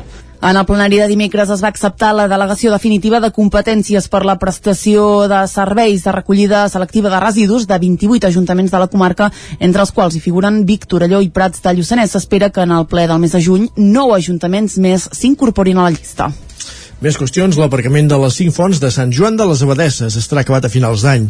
La veu de Sant Joan, Isaac Muntades. Les obres d'ampliació de l'aparcament de les cinc fonts i la creació d'una zona enjardinada en aquell espai estan encarant la recta final. L'alcalde Ramon Roquer va detallar que els treballs estan avançant a bon ritme, sobretot en les últimes setmanes, després d'estar molts dies aturats durant els mesos d'hivern per culpa de la pluja. Com que és una obra on ha calgut fer un moviment de terres important, s'ha hagut de vigilar molt amb l'estabilització de l'espai. En principi, l'empresa té previst acabar l'aparcament a finals d'aquest mes de juny, per tant es complirien els 9 mesos de termini que es van donar en el seu moment. Això sí, la part de l'arbrat i d'enjardinament sí que s'acabarà més tard cap a la tardor, però l'aparcament ja estarà en funcionament. Roquer va insistir en que és un projecte imprescindible pel municipi. Nosaltres reclamem que s'acabin les obres lo abans possible perquè necessitem poder fer ús d'aquest aparcament, sobretot ara aquests mesos d'estiu, que esperem doncs, que com tots els estius, els últims estius, són molt, molts els turistes que, que s'apropen a Sant Joan per visitar el municipi, però també per la necessitat dels propis veïns i veïnes de tenir més aparcament eh, fixa per poder aparcar els seus cotxes. Passem de doblar la capacitat que tenia fins ara, d'uns 40 i pico de cotxes a uns 90 i pico de cotxes, per tant,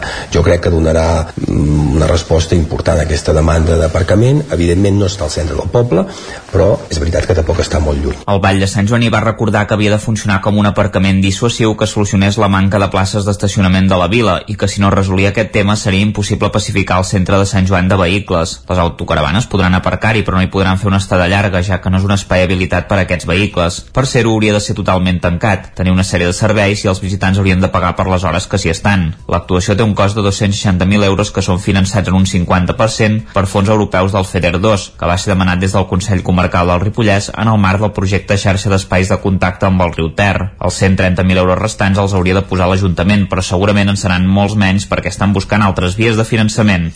I Cardedeu consolida el model de, de cega selectiva i de manteniment de les herbes en escocells. Es tracta d'un sistema que afavoreix la floració i la biodiversitat al municipi que moltes capitals europees com Amsterdam o París apliquen des de fa anys.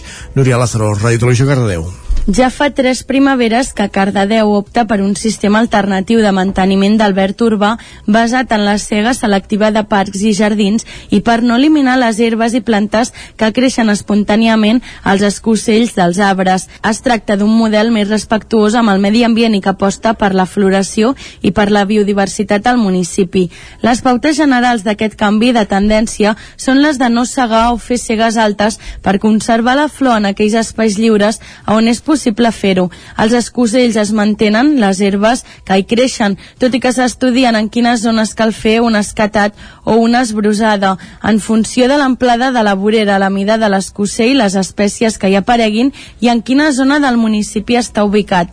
Als parcs i jardins la cega es fa més arran de terra, als accessos i voltants dels bancs i papereres dins del parc i a les àrees amb taules de pícnic.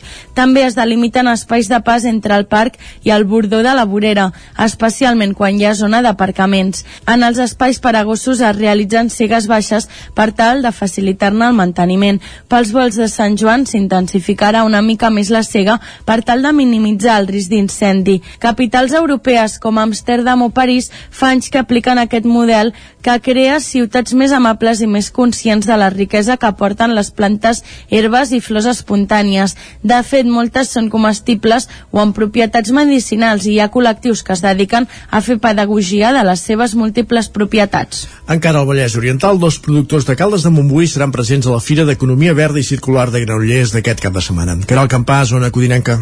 Aixà de Conserves i Oli La Xarona, tots dos de Caldes de Montbui, estaran entre els 10 productors del Vallès Oriental de la xarxa Productes de la Terra presents aquest cap de setmana a la Fira d'Economia Verda i Circular de Granollers. Aquestes empreses exposaran els seus productes artesans i de qualitat al pavelló Menjar Bé de la mostra. Aquesta fira és la primera d'aquest àmbit que s'organitza a Granollers dins de les festes tradicionals de l'Ascensió.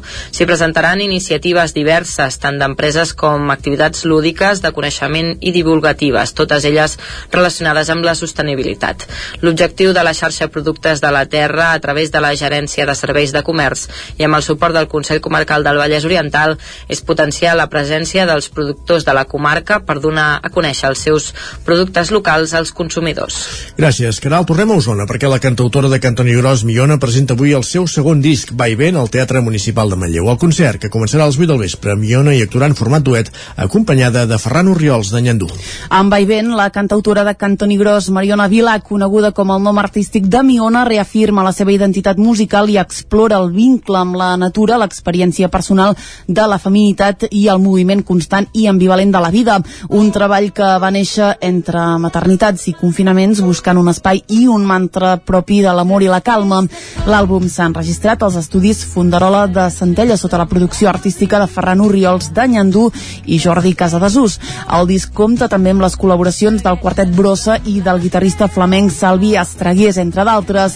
El concert de presentació de Vaivent serà aquest divendres a les 8 del vespre al Teatre Municipal de Manlleu. Miona hi actuarà en format duet, acompanyada precisament de Ferran Oriols. A part de la presentació del nou disc de Miona, l'actualitat musical i d'espectacles del cap de setmana a Osona se centrarà sobretot a Torelló, on aquest vespre hi arrenca la 25a edició del Festus. El festival, amb més de 20 propostes de música, teatre, dansa i arts visuals, s'allargarà fins dissabte a la matinada.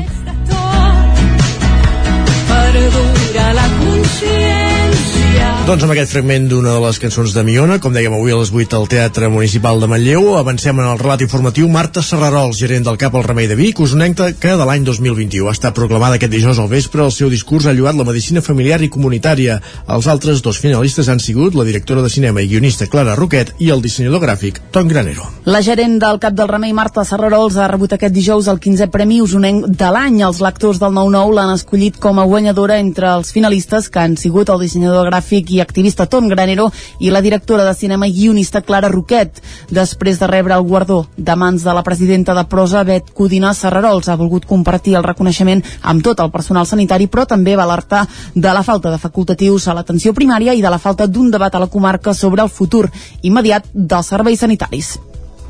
Usonenca de l'any que recullo amb molt d'honor i amb molta felicitat i em fa molt molt feliç. Serveixi perquè sigui també un crit d'atenció per posar en valor una part imprescindible del sistema de salut que ha demostrat quan toca com ens hi deixem la pell i com hem lluitat contra aquesta malaltia. Un sistema d'èxit. No ens en oblidem, segueix sent un sistema d'èxit però que començarà a fer aigües aviat serveixi perquè tothom reconegui allò que ha de millorar i posi fil a l'agulla serveixi perquè potser ens encentem tots els agents implicats al territori d'Osona i pensem què podem fer per a la nostra sanitat i pel nostre estat del, del benestar. La gala que es va emetre en directe pel Nou TV es va fer a la sala Joaquim Maideu de l'Atlàntida de Vic. En el transcurs també es va lliurar el Premi a la Innovació i el Talent de la Cambra d'Osona, que ha recaigut en la investigadora manlleuenca Violeta Sánchez i el Premi Promesa del Consell Comarcal. En aquest cas, la guardonada ha estat la futbolista de Borgunyà, Bruna Vilamala. Esports.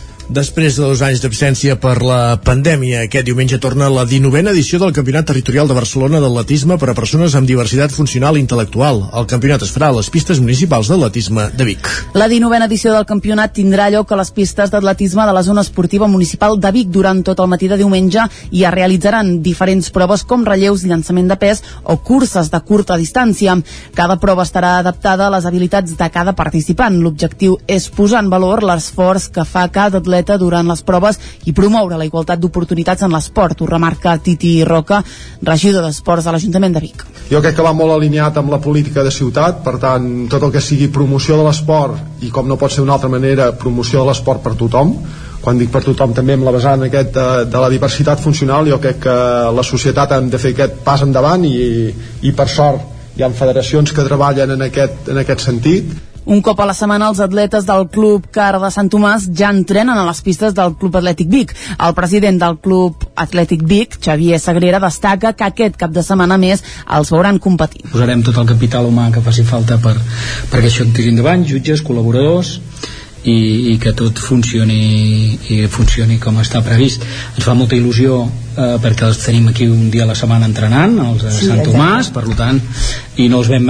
no els veiem mai competir perquè doncs, ens farà il·lusió de, de veure'ls aquí a les nostres pistes i, i a disposar Al campionat hi prendran part una seixantena d'atletes i s'entregaran medalles a tothom qui participi.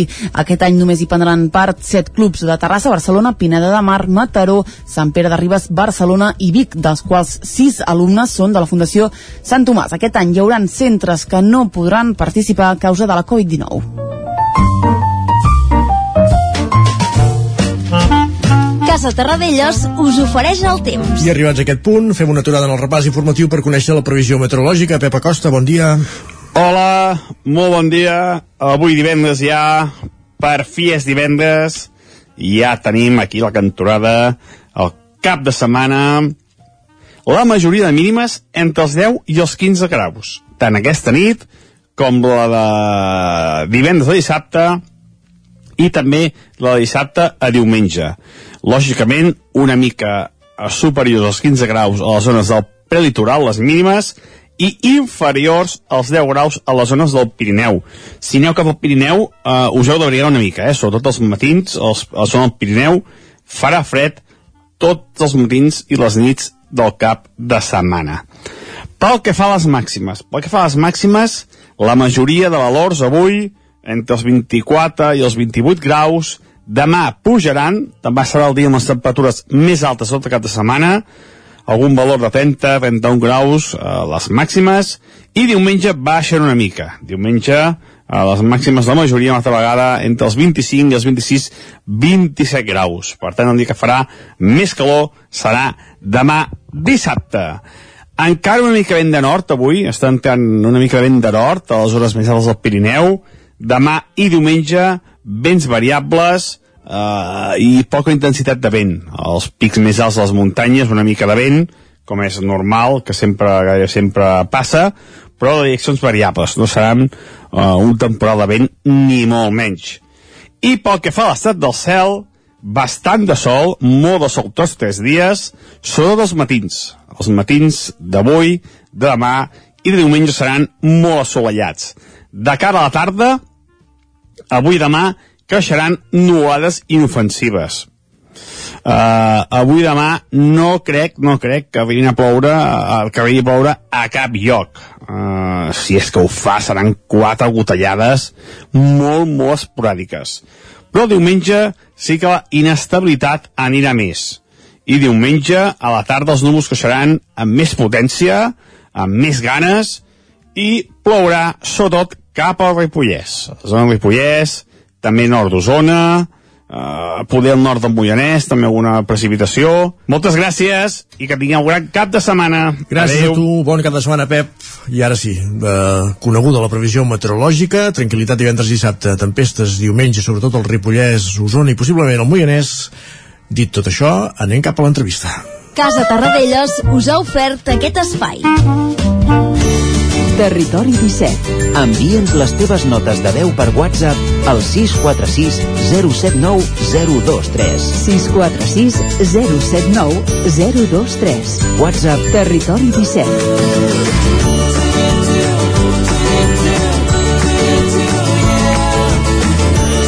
Territori 17.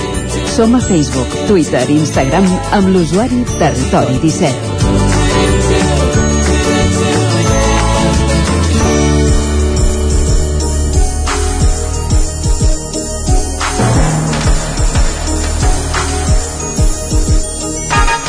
Un minut que passa d'un quart d'onze, al territori 17 anem cap a l'entrevista, anem fins a la veu de Sant Joan, perquè Isaac Muntades conversa, com dèiem, amb Rosa Freixenet, amb motiu d'aquests actes que se celebren aquest cap de setmana del 25 aniversari de Sant Joan de les Abadesses com a ciutat pobilla de la Sardana.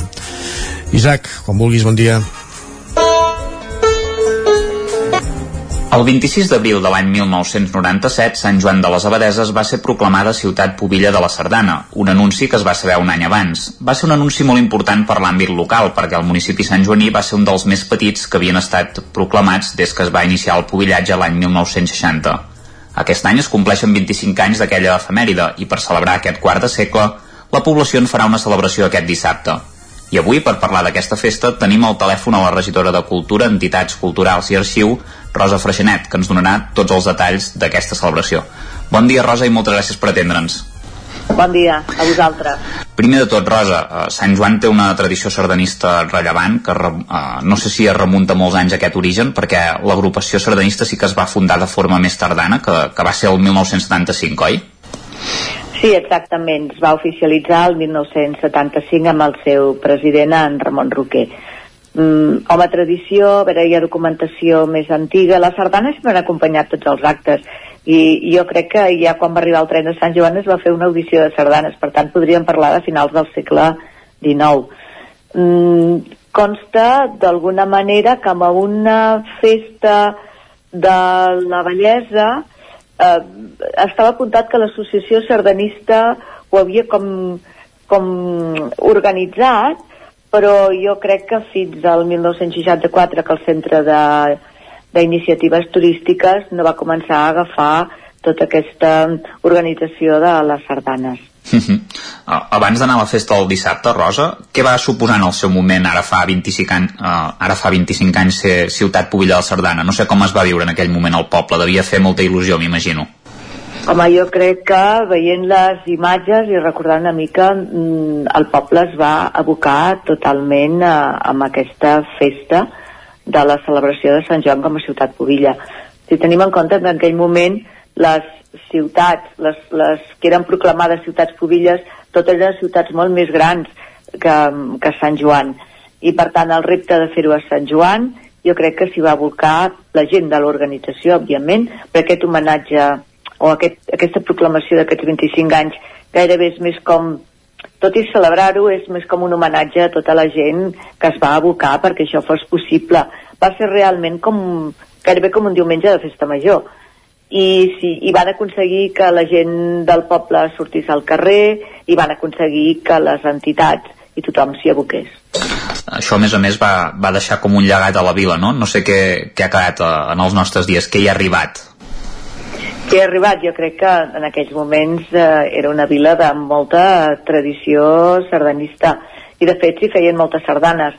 Recordo una vegada, ja fa molts anys, amb una festa major que hi havia els Mongrins, bueno, que sí, ja, ja fa molts anys que venen, però també fa molts anys, que ells deien que els havien arribat notícies eh, que Sant Joan era una de les poblacions que a l'estiu era la població que a l'estiu es feia més sardanes de Catalunya. Per tant, aquest llegat, això de partir, eh, és important, no? I que crec que es continua mantinguent, potser no tant, però es continua mantinguent. A, a més a més també eh, aquell llegat eh, també és físic en certa manera perquè també us va quedar doncs, el monument aquest de la sardana eh, fet per en Francesc Fajula a, a l'església de Sant Pol o també el, el CD amb sardanes relacionades eh, amb la vila que també doncs, eh, eh, l'heu pogut escoltar alguna vegada eh, anant pròpiament a la Festa Rosa començarà... No, un breu apunt d'això sí. és que mm, si mirant les, les bases, podríem dir, algunes de les condicions per ser ciutat Pobilla de la Sardana, eh, s'havia de fer un monument, s'havia d'editar també un o sigui, ells posaven tota una sèrie de condicions i per tant les vam poder, Sant Joan les va poder complir totes. Uh, anant a la, a la festa rosa pròpiament dita, començarà aquest dissabte a les 12 del migdia a la sala de plens, no? Què, què s'hi farà allà? Sí, més que res serà un acte institucional com he dit abans, a part de commemorar aquests 25 anys, també és una mica com d'homenatge i reconeixement a tota aquella gent que s'hi va abocar perquè tot això fos possible.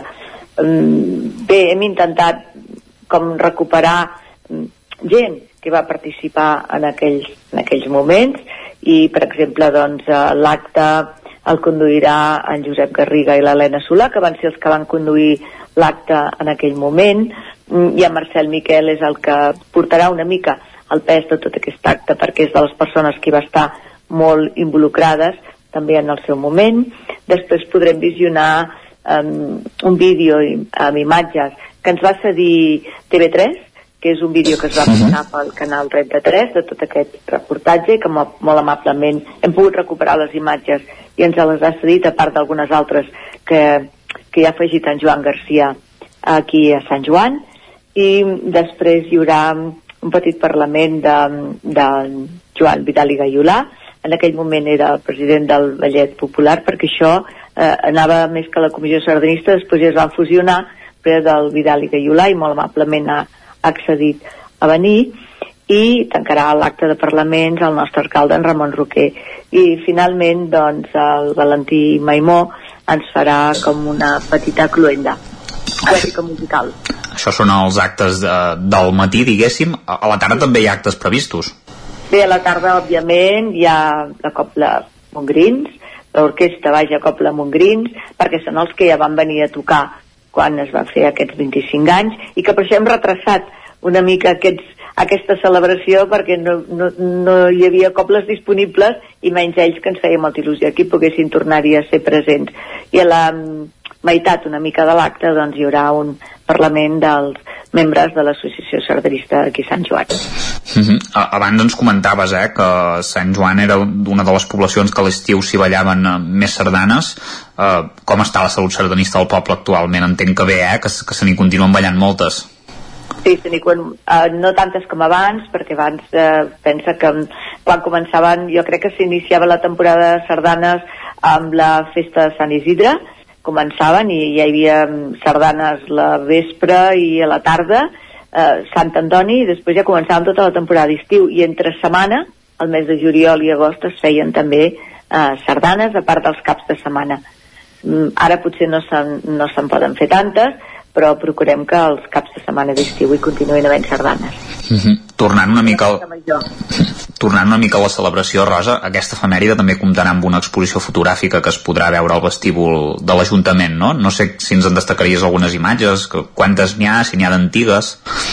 Antigues, bé, totes les imatges que hi ha i tota la documentació que s'exposa és la que va fer referència eh, fa 25 anys és a dir, documentació, els logos, els cartells i fotografies per recordar una mica tot el, tot el que va representar aquell dia. També, a més a més, eh, tindrà un espai important a la revista SJA, no?, aquesta efemèride? Sí, sí, és, és, és la portada de, de la revista, d'aquest últim número, i hi ha tot un escrit de Marcel Miquel. Uh -huh.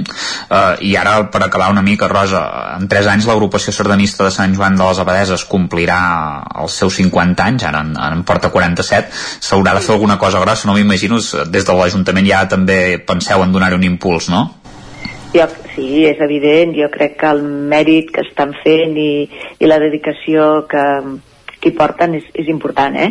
I a més a més, ara que han tornat a, a reactivar els cursets de sardanes a, amb els nens, i jo penso que això és molt important perquè si no, si no es, es fa agafar aquests nous hàbits o aquest gust a les noves generacions això ho tindrem perdut doncs moltes gràcies Rosa per ser avui amb nosaltres i, i recordem doncs, que aquest dissabte doncs, es faran tots aquests actes del 25è aniversari de la proclamació de Sant Joan de les Abadeses com a ciutat pobilla de la Sardana. Com ens explicava la Rosa doncs hi haurà actes tant al matí a les 12 hi haurà aquest acte de commemoració a la sala de plens de l'Ajuntament i a les 6 de la tarda doncs, perquè pels que els agradin molt les sardanes hi haurà aquesta audició de sardanes amb la copla als mongrins al, al passeig com t'he fer, per tant una jornada plenament sardanista a Sant Joan aquest cap de setmana. Moltes gràcies Rosa per ser avui amb nosaltres al Territori 17. A vosaltres, moltíssimes gràcies.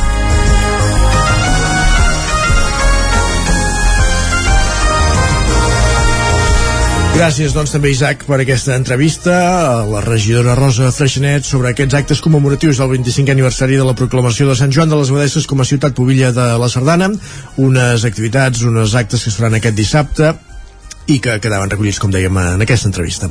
Avancem al territori 17, ara que arribem a l'Equador. De seguida farem una petita pausa i a partir de dos quarts d'onze ens acompanyarà, com cada dia, en Guillem Sánchez per fer un cop d'ull al més destacat que ha trobat a Twitter. Repassem les, les pilades més divertides i interessants eh, per sucar i pa que hagi trobat, com dèiem en Guillem, passarem per la taula de redacció, parlarem d'una efemèride bastant divertida, d'un bitllet de 500 pessetes que duia la imatge de Jacint Verdaguer, segur que molts el tenen present en el seu imaginari entre altres qüestions perquè, per exemple, és a la Casa Museu Verdaguer però avui en descobrirem la història, el per què s'hi va estampar la imatge de Verdaguer. Qui va ser l'artífex? Ho coneixerem a la taula de redacció amb en Jordi Vilarrodà. També ens hi acompanyarà en Guillem Freixa parlant d'altres qüestions.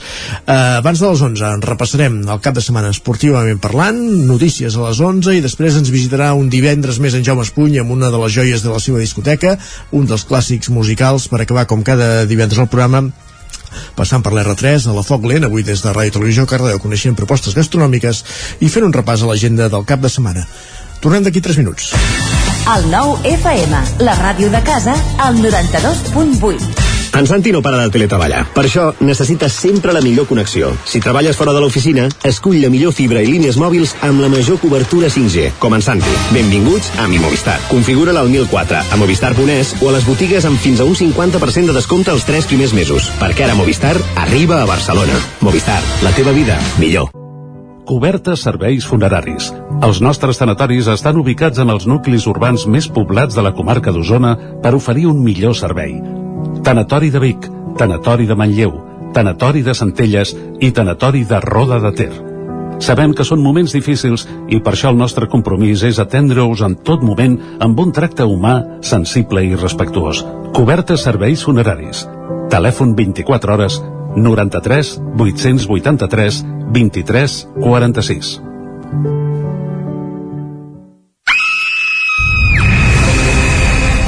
Sherlock Holmes ha mort i Watson necessita la vostra ajuda per tornar enrere en el temps i trobar el punt exacte per salvar-lo del parany de Moriarty. Posa't en la pell del detectiu britànic i resol tots els enigmes en menys de 60 minuts per poder escapar. Elementary Escape Room de Vic, una aventura per a tota la família. Fes la teva reserva per WhatsApp amb el codi La Ràdio de Sherlock i aconseguiràs un 10% de descompte. Ens trobaràs de dijous a diumenge al carrer de la Fusina 22 de Vic per telèfon i WhatsApp al 622 85 54 17 o elementary.cat. A Bailen sabem que quan té una avaria a la seva caldera vol una solució ràpida. Truqui al servei tècnic oficial Bailen i els nostres tècnics vindran ràpidament a solucionar-li el problema. A més, si canvieu ara la caldera, us regalem fins a 300 euros. Truqueu al 910 77 88 77 o entreu a bailan.es.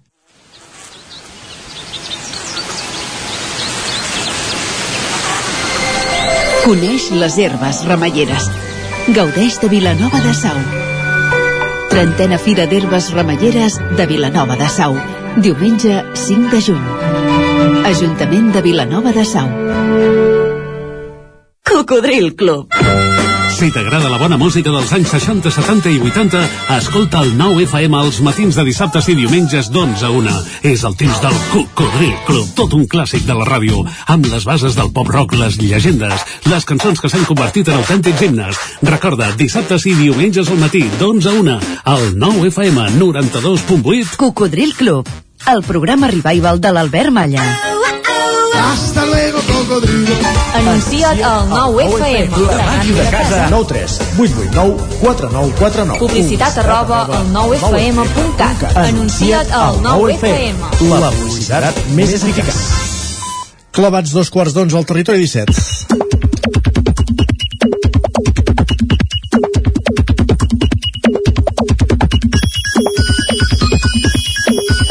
A dos quarts d'onze en punt ens visita cada dia en Guillem Sánchez amb el més destacat que ha trobat a Twitter. Què destaquem, Guillem? Bon dia. Isaac, què tal, com estem? Bé, i tu? Doncs mira, destacarem avui per començar una mostra de gratitud i de generositat que com Alerta. poques vegades eh, es pot veure.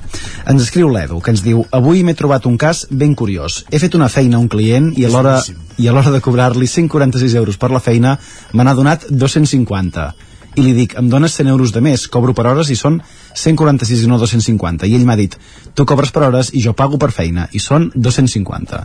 Pim-pam, més Has- clients com aquest volem. Has vist que fàcil? Eh que sí? Has vist que fàcil? De fet, ell mateix, l'Edu, al cap d'unes hores, feia una altra piulada en referència a aquesta primera, dient aquesta piulada se m'ha desbordat i no puc seguir totes les interaccions ni els nous seguidors. Doncs bé, sembla que la gent eh, té sensibilitat per aquestes coses, eh? El client de saber qui és el client, també. També ens hem de fixar per això en algunes de les respostes, eh? com la d'en Lluís, per exemple, que diu encara hi ha futur, Edu, crec que aquest tipus de coses les hem de llegir així. Has tingut un client que ha valorat la teva feina i tu ha volgut reconèixer. La feina que tu fas no ho acostuma a ser gaire. Doncs bé, bones, bones notícies en, aquest, en aquest cas per, per, Per què ho sabem, a què es dedica l'Edu o no? Uh, ja em sembla una piulada algunes, uh, alguns moments abans com si es dediqués a alguna cosa de fusteria o... al- Crec, eh? Crec, però ho dic sense, sense saber-ho al més 100%. Perfecte. Va, i ara una pregunta de l'Estela. A veure què li respons. Diu, m'encanten les converses de Tinder que comencen amb un Ai, ets d'aquí o algú? Em sones. Diu, company, saps perfectament qui sóc, amb qui he estat, el que faig i quins amics teus m'han tirat a la canya. Diu, el poble no és tan gran. És un problema això del Tinder a, a, Però m'agrada el, el començament, ets d'aquí, clar, d'aquí on? Perquè clar, el Tinder t'hi vas trobar gent de tot el planeta, suposo. Però entenc que deu, bueno... És d'aquí, eh, ets d'aquí Tinder? entenc que deus haver de, de posar la situació Ah, geogràfica entesos. entenc jo, eh? entenc jo perquè també és un món que desconec perfectament desconec perfectament i vinga va, secció gastronòmica de les, de les Ep, això ens agrada. va, la Mireia no sap cap on mirar després d'això que ens escriu? Diu, els veïns de taula acaben de demanar pizza de patates fregides. Un italià. A Venècia. 2022 en quin moment la gastronomia italiana va idear aquest crim de plat Ah, però els serveixen, realment. Eh, eh, sí, sí, sí, Ah, ja- pensava que, jo pensava que eren uns clients desubicats. No, no, no, hi ha una- una pizza allò a, a, a l'ús... A, No, no, no, hi ha, una, carta, no? hi ha una fotografia amb la pizza de patates fregides que es van fotre els clients al costat de la taula on estava la, la Mireia. Jo només et diré una cosa, si és pizza i és Itàlia, segur que és bona. És que, de fet, li respon la Laia amb aquest tuit que fa la Mireia i diu jo la vaig descobrir entre parèntesis, amb la mateixa sorpresa que tu, fa uns 15 anys en algun lloc entre Roma i Nàpols. Diu, pizzeria local per a gent local, no un lloc de quiris.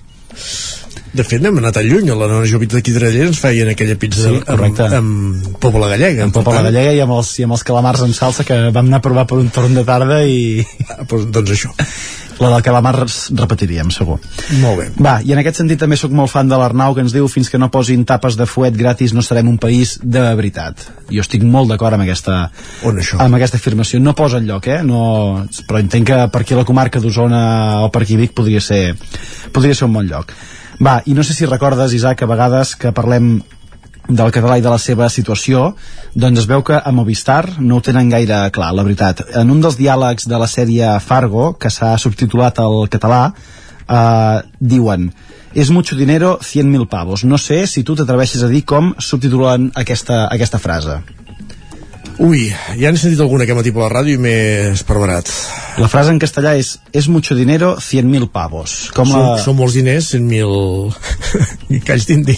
Doncs mira, diu, l'han subtitulat amb un és molts diners, és molts diners, 100.000 galls d'indis. Correctes. No pot ser. Correcte, Isaac, correcte. Les traduccions literals mai han set Mai han set el, el nostre fort. Va, i tot seguit una reflexió d'en Jaume que parla d'un dels meus referents de sempre. Ens diu, si alguna cosa m'ha ensenyat portar grups de l'ESO és que el nivell d'implicació familiar, educativa i efectiva d'un pare com Homer Simpson era de notable alt, realment com deu ser l'altre, no? Si, Exacte. si el nivell de, de, de Homer Simpson era notable alt. De notable alt. Va, i just per acabar, uh, si no voleu que us robin pel, pel carrer, un, un Home, no, consell. no, és una cosa que no volem. Doncs un consell. De, ens escrivien, fa 20 minuts m'han volgut atracar pel carrer, però quan, he vist, quan ha vist que jo era més pobre que ell, m'ha regalat els pantalons i ha marxat. Carai. Doncs vinga, és tan fàcil com no portar res o com a mínim semblar més pobre que no pas el lladre que et ve, que et ve a robar. Doncs vinga, ens ho apuntem. Deixem aquí el consell, que passeu un bon cap de setmana Gràcies. Guillem. Bueno, parlem d'aquí una estona, de fet. Parlem d'aquí una estona, sí. Repàs esportiu, no marxis gaire lluny. Perfecte. Va, i abans d'anar a la redacció, ràpidament repassem les portades del 99.cat, a l'edició d'Osona i el Ripollès, obrim, obre Marta Serrarols del cap, del cap al Remei de Vic, usonenca de l'any 2021. També el govern ajorna la consulta sobre els Jocs d'hivern que s'havia de fer el 24 de juliol. De fet, ja ha anunciada ja una compareixença del president del Consell Comarcal del Ripollès per les 11 del matí. Mirem de saber, si més no, donar un titular abans d'acabar el programa. També Alejandro Montalvo i Nina Reichenbach regnen a Vic, estem parlant de bici trial i la crònica de les millors llonganisses, ja ho hem explicat, de Can Cerilles, de Manlleu i Can Vilada de Vic. Anem ràpidament a repassar l'edició del 9-9 d'Osona del, rei, de, del Vallès Oriental. Àngels Profitós de l'IEC anuncia la seva renúncia com a regidor de les Franqueses, presó per un home relacionat amb un robatori amb violència a Mollet i la plec de Caldes, Isgel, repeteix escenari i vocació solidària. Ens en van fer ressò també divendres, dimecres, volem dir, a l'agenda amb la Caral Campàs. Ara sí, entrem cap a la taula de redacció.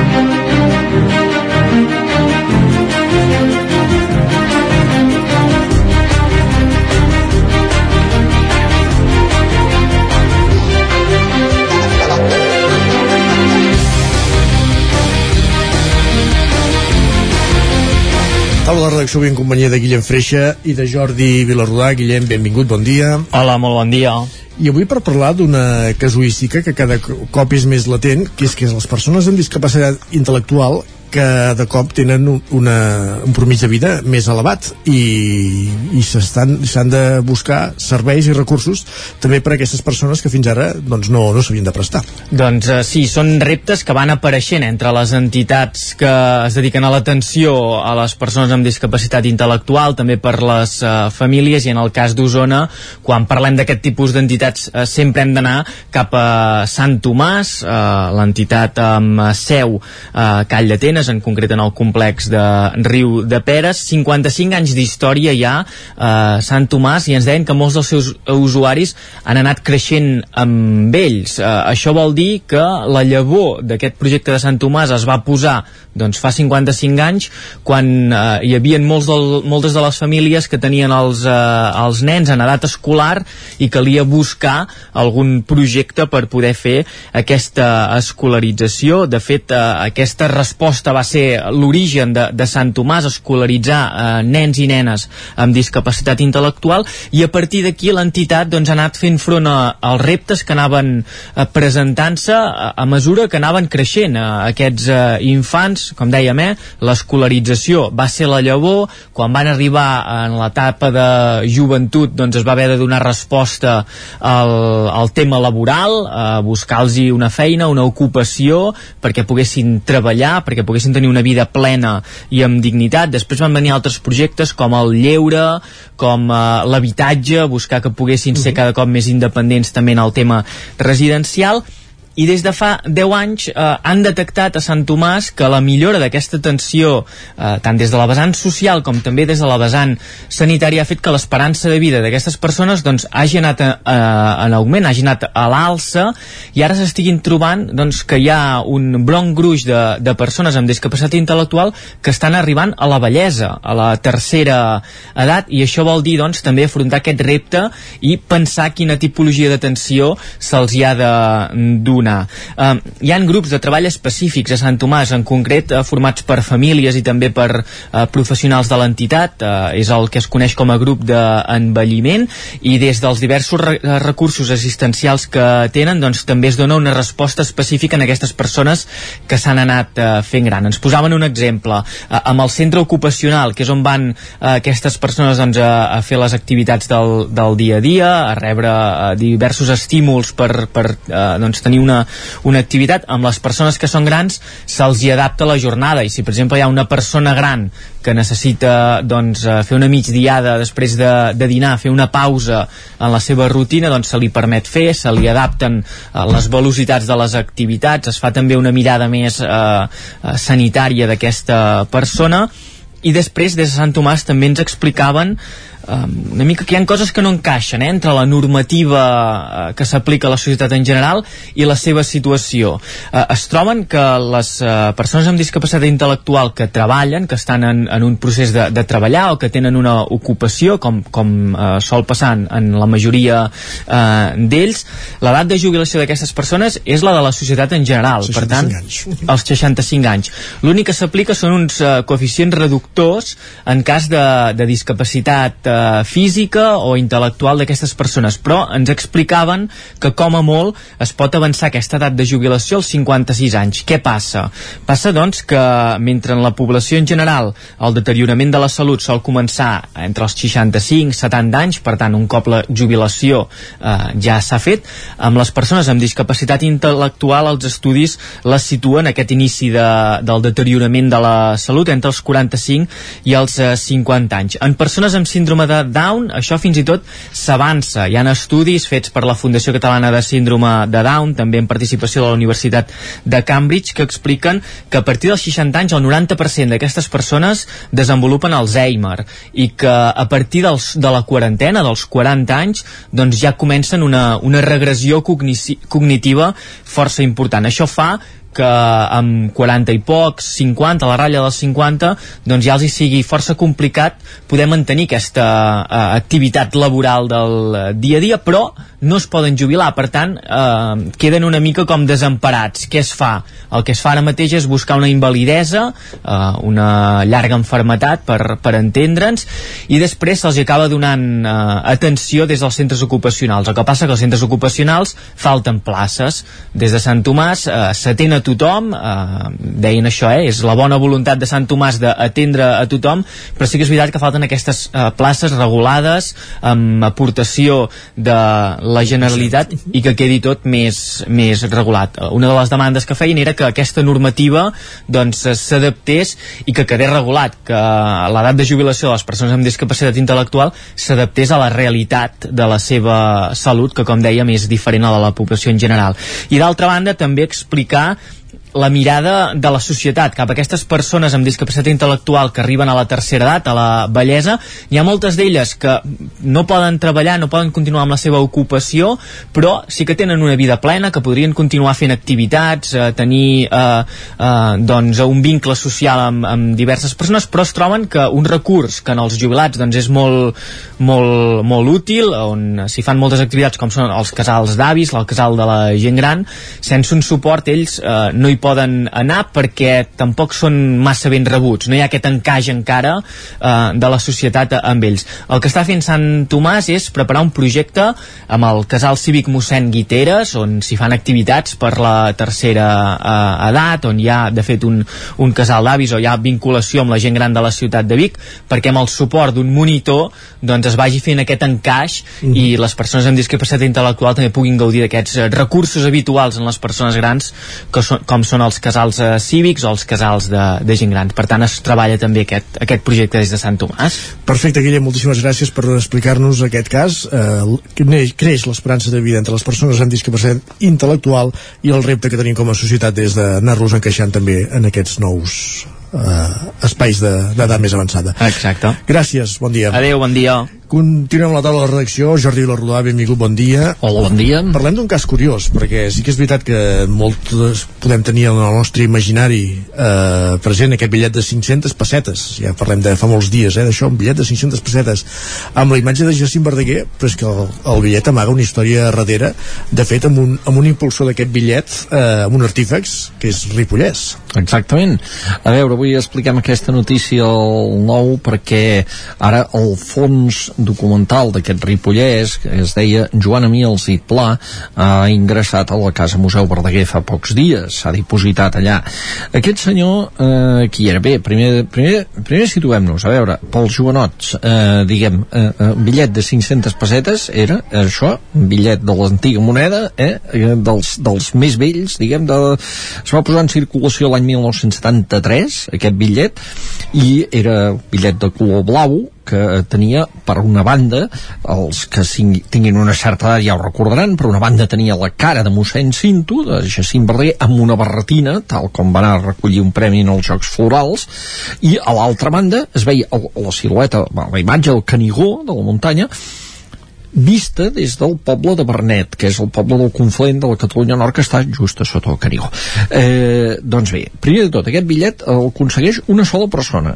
O sigui, una sola persona fa que això sigui possible, que és aquest senyor de Ripoll, que era un verdaguerista aficionat a, a Verdaguer, un home que, es, que estava enamorat de Verdaguer i de la poesia de Verdaguer i que va fer mil i una accions de difusió de la poesia de Verdaguer en, des dels anys 60 i 70 fins més endavant, de fet.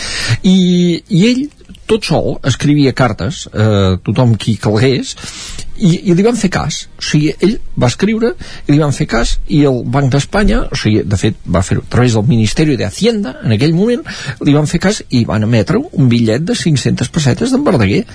Sembla que tenia un contacte però bé, la qüestió és que s'ho feia ell sol, cap institució al darrere amics de Verdaguer ja existia però això no, no hi va intervenir i, i, i li van dir que sí.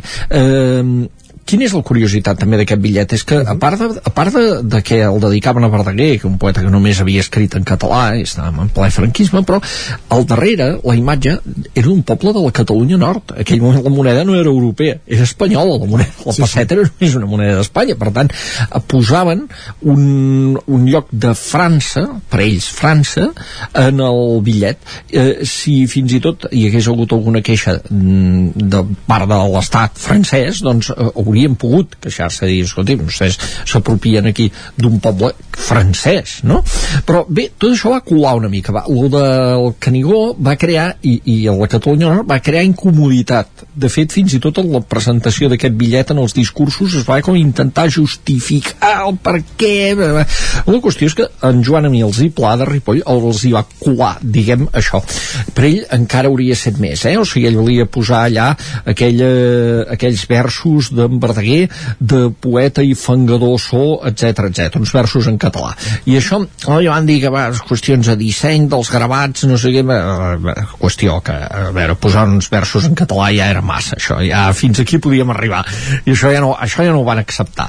Però sí que eh, el bitllet va circular, sobretot, doncs, eh, fi, als anys 70 fins a principis dels 80, que llavors en van fer un altre, d'una poetessa gallega, per cert, la Rosalia de Castro, en aquell moment, i, i en Joan Emil Cipla va continuar fent exposicions que ell feia sobre Verdaguer, per divulgar Verdaguer, en va fer 137 per diferents llocs de Catalunya, li costaven calés, a més a més, a ell, i va aconseguir altres coses, un segell de correus, també dedicat a Verdaguer, etc etc etc.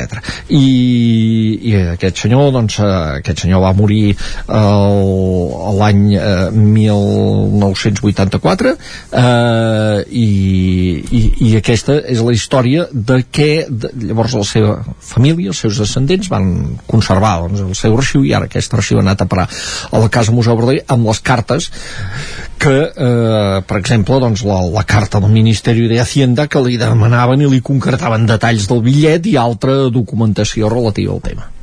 Perfecte, doncs una història ben curiosa darrere d'aquest bitllet de 500 pessetes. Gràcies Jordi per ser també un més a la taula de redacció. Molt bé, moltes gràcies. Bon dia. Bon dia. Avancem al territori 17, anem a fer un repàs a l'agenda esportiva.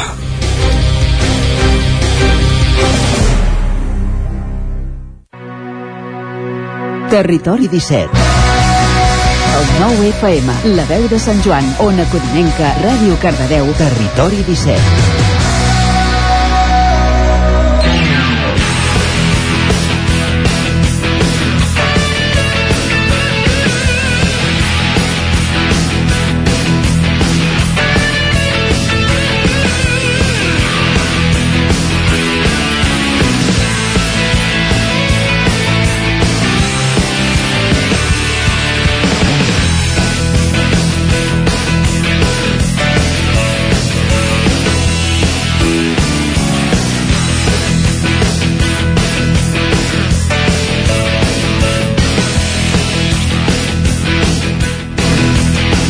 11 minuts que falten perquè siguin les 11 i anem a repassar esportivament el cap de setmana amb connexió amb les diferents emissores del territori 17 ja sabeu que continua havent-hi competició en joc, que es van acabant les lligues però encara queden partits pendents.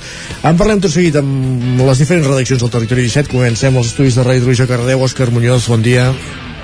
Bon dia. Com tenim el doncs cap de sí, setmana? Ja, doncs ja d'últims partits d'aquestes lligues, de la segona, de la tercera catalana i també de l'handbol. Així que si comencem pel primer equip que juga aquest diumenge a casa l'últim partit de la, de la Lliga eh, a un quart d'una contra el Molinos Unió Esportiva. El Cardedeu ja queda, ha quedat quart d'aquesta segona catalana, s'enfrontarà al vuitè que encara doncs, pot eh, escalar posicions a la, a la segona catalana. A la tercera, el, el filial haurà d'anar a Montornès a jugar l'últim partit dissabte Montornès Nord Cardedeu a les 5 de la tarda.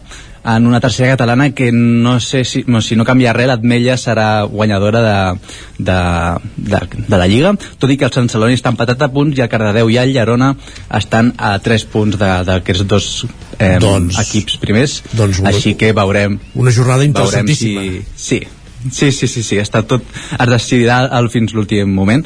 Així que la tercera catalana encara hi ha emocions, no per al Llinàs que també el tenim aquesta de Lliga. Eh, ell ja va acabar l'últim partit eh, el jugaven aquest cap de setmana però el van avançar ahir dimecres.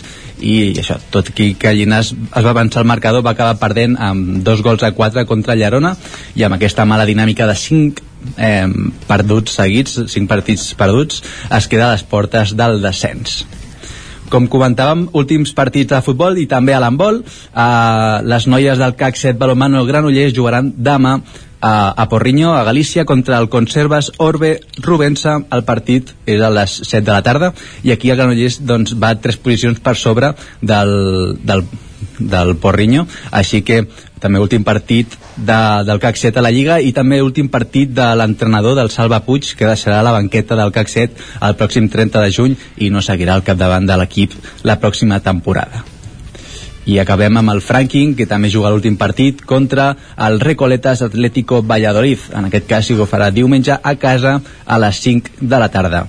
El Franking, que ja pensa en el cap de setmana següent, que juguen el títol de la Lliga a Saragossa, recordem que les semifinals jugaran contra el Badasoa Irún i suposo que diumenge si guanyen doncs acabaran la final amb el Barça és el, és el més previsible però ja se sap que amb l'esport a vegades sí. les previsions tot pot passar, eh, sí. tot pot passar. gràcies Òscar, parlem més tard fins després continuem aquest recorregut als estudis d'Ona Codinenca amb la Caral Campàs, bon dia Caral Hola, bon dia com tenim l'agenda esportiva? Doncs tenim, tenim alguns partits de, de futbol sobretot i un de hockey uh, començo pel futbol, com sempre segona catalana el grup 6 el Caldes es desplaçarà a la pista del Taradell per disputar demà a les 5 de la tarda l'últim partit de la temporada. Recordem que els calderins uh, van certificar el seu ascens a primera fa algunes jornades i són líders indiscutibles de la classificació amb 66 punts tot i que uh, com us he anat explicant uh, han tingut doncs, uh, derrotes en els dos últims partits s'han relaxat um, un cop ho han tingut tot fet lògicament. Sí, uh, veurem, per tant veurem eh, com va, si, si segueixen relaxats o no i per la seva banda el Taradell és, és novè amb 38 punts. Um, a tercera catalana el grup 5 els falten 3 jornades per acabar la temporada.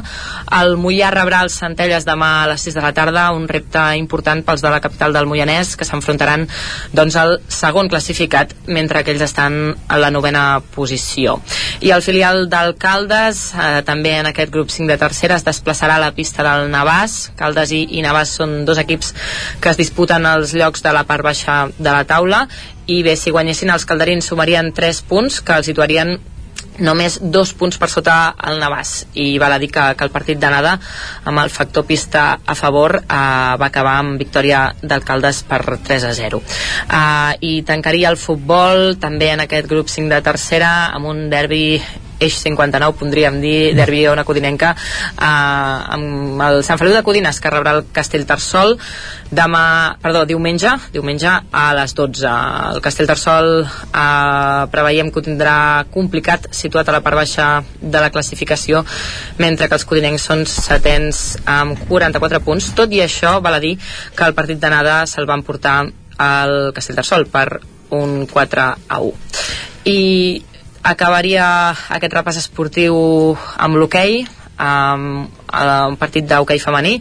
Les noies del Vigas i Riells enfrontaran l'últim partit de la fase regular de la temporada i ho faran desplaçant-se a la pista de les Rozas aquest dissabte per disputar a les 8 del vespre. I bé, les noies del Vigas han de plantar cara per poder mantenir aquesta vuitena posició de la classificació i esperar que el Voltregà eh, no li vagi tan bé això des del punt de vista d'aquí del Vallès i, i esperant que, que les noies del Vigas doncs, puguin eh, guanyar aquest partit contra les Rozas Perfecte, doncs anirem seguint i us expliquem dilluns com, ha, com ha anat la cosa Gràcies, sí. Caral. Fins ara. Gràcies. Continuem aquest recorregut a la veu de Sant Joan amb l'Isaac Muntades. Bon dia, Isaac. Bon dia. Amb aquesta última bon hora dia. que anunciàvem a les 9 del matí, que era aquesta, eh, aquest anunci del govern que s'ajorna, que es posposa sen, sense dia, sense data, la consulta sobre els Jocs Olímpics d'hivern. De fet, ja es, es va anunciar en una segona fase que hi hauria una segona pregunta per les comarques no directament afectades, com eren el Ripollès, el Solsonès i el Berguedà, i ara, de fet, no hi ha eh, consulta, queda a l'aire, i estem de fet a l'espera també d'una compareixença ara a les 11 del president del Consell Comarcal del Ripollès. No sé com si has tingut ja alguna reacció eh, en aquests primers minuts després de la notícia Uh, encara de moment no, no hi ha hagut cap reacció. Això que comentaves ara, en pocs minuts uh, compareixerà el president del Consell Comarcal del Ripollès, Joaquim Colomer per donar doncs la, la seva opinió sobre com, com va això, però m'imagino que també una mica de sorpresa, sobretot perquè aquests dies a la televisió hem pogut veure doncs, algun anunci eh, institucional a, a favor dels Jocs Olímpics i sobta que de cop i volta doncs, s'hagi doncs, decidit ajornar aquesta consulta que s'havia de dur a terme en principi pel 24 eh, de juliol i bé, eh, s'haurà de veure què, què acaba passant. En principi eh, es volen acabar de tenir tots els detalls saber exactament què passarà amb l'Aragó perquè els últims dies sabeu que el president de l'Aragó uh, l'envan s'ha despenjat una mica de tot plegat eh, perquè ells doncs, creu que no se'ls està tractant prou bé i que volen més, més proves i no hi ha un acord eh, entre, entre ells el Comitè Olímpic Espanyol i també eh, el govern de la Generalitat de Catalunya i, i també el, des del COE han dit que els jocs per anar hauran de ser compartits i, i no només els poder fer Catalunya. Veurem perquè és tot un guirigall aquests dies que s'ha que s'ha anat formant i no, no sabem com acabarà i fins que no es clarifica el projecte no, no us en podem donar més detalls de fet, després si hi ha reacció us ho direm de fet serà el COE qui, qui agafa el toro per les banyes Sí. per, per donar forma a la candidatura Mm, veurem si de la mà de, de Braceta de la Generalitat de Catalunya o si ho fa sol en fi, veurem també com evoluciona tot plegat si, Exacte. si durant el territori 17 tenim temps de donar algun titular a l'antena ja ho sap Sí, pas sí. i del que pugui dir I, Joaquim i Colomer us expliquem, us expliquem alguna cosa que pugui dir el president del Consell Comarcal. Ara Um, repassem pel- l'agenda ah, no, Sí. perdona, perdona, anaves a dir alguna cosa, t'he tallat. No, no, això, que hi ha, hi ha més activitat al, Ripollès, no gaire, eh, ja s'estan acabant una mica les lligues, de fet us hem de dir que, per exemple, en futbol, el Camprodon, el grup 4 de permanència a segona catalana descansa, però pot consumar el seu descens sense jugar, perquè si el marca de l'AM doncs, guanya l'Unió Girona aquest dissabte, doncs els camprodonins ja seran equip eh, de tercera catalana, perquè tenen 7 punts i el marca de l'AM 8, però els de l'Empordà tenen dos partits per jugar i el Camprodon només eh, un. A la tercera catalana de futbol, la Badesenc, en un partit intrascendent, eh, l'avança avui a dos quarts de nou del vespre, rebrà l'escola de futbol de la Garrotxa, un horari poc habitual també. Eh, només ha de servir per guanyar alguna posició a la classificació aquest partit, són sisens amb 50 punts a la Badesenc, han perdut dos dels últims cinc partits, per tant han afluixat una mica el ritme tan bo que duien fins ara, mentre que el seu rival és vuitè amb 41 punts i està en terra de ningú. No s'hi juguen res cap dels dos equips. El Camp de Bànol sí que jugarà contra un rival que necessita els punts, tercera vegada que visitaran el QE en poques setmanes, aquest cop eh, contra les Planes. Ho faran en un horari poc habitual, eh, molt estrany, aquest dissabte a les 12 del migdia, a l'hora del, del vermut, segons eh, la Federació Catalana. Eh, el Canal és setè amb 49 punts i no s'hi juga res, i les Planes eh, és, com deia, més amb 22 i necessita la victòria doncs, per sortir del descens. Eh, porten 7 derrotes consecutives les Planes, però és que el Camp Bànol també n'acumula 3 i per tant no, no està gaire fi.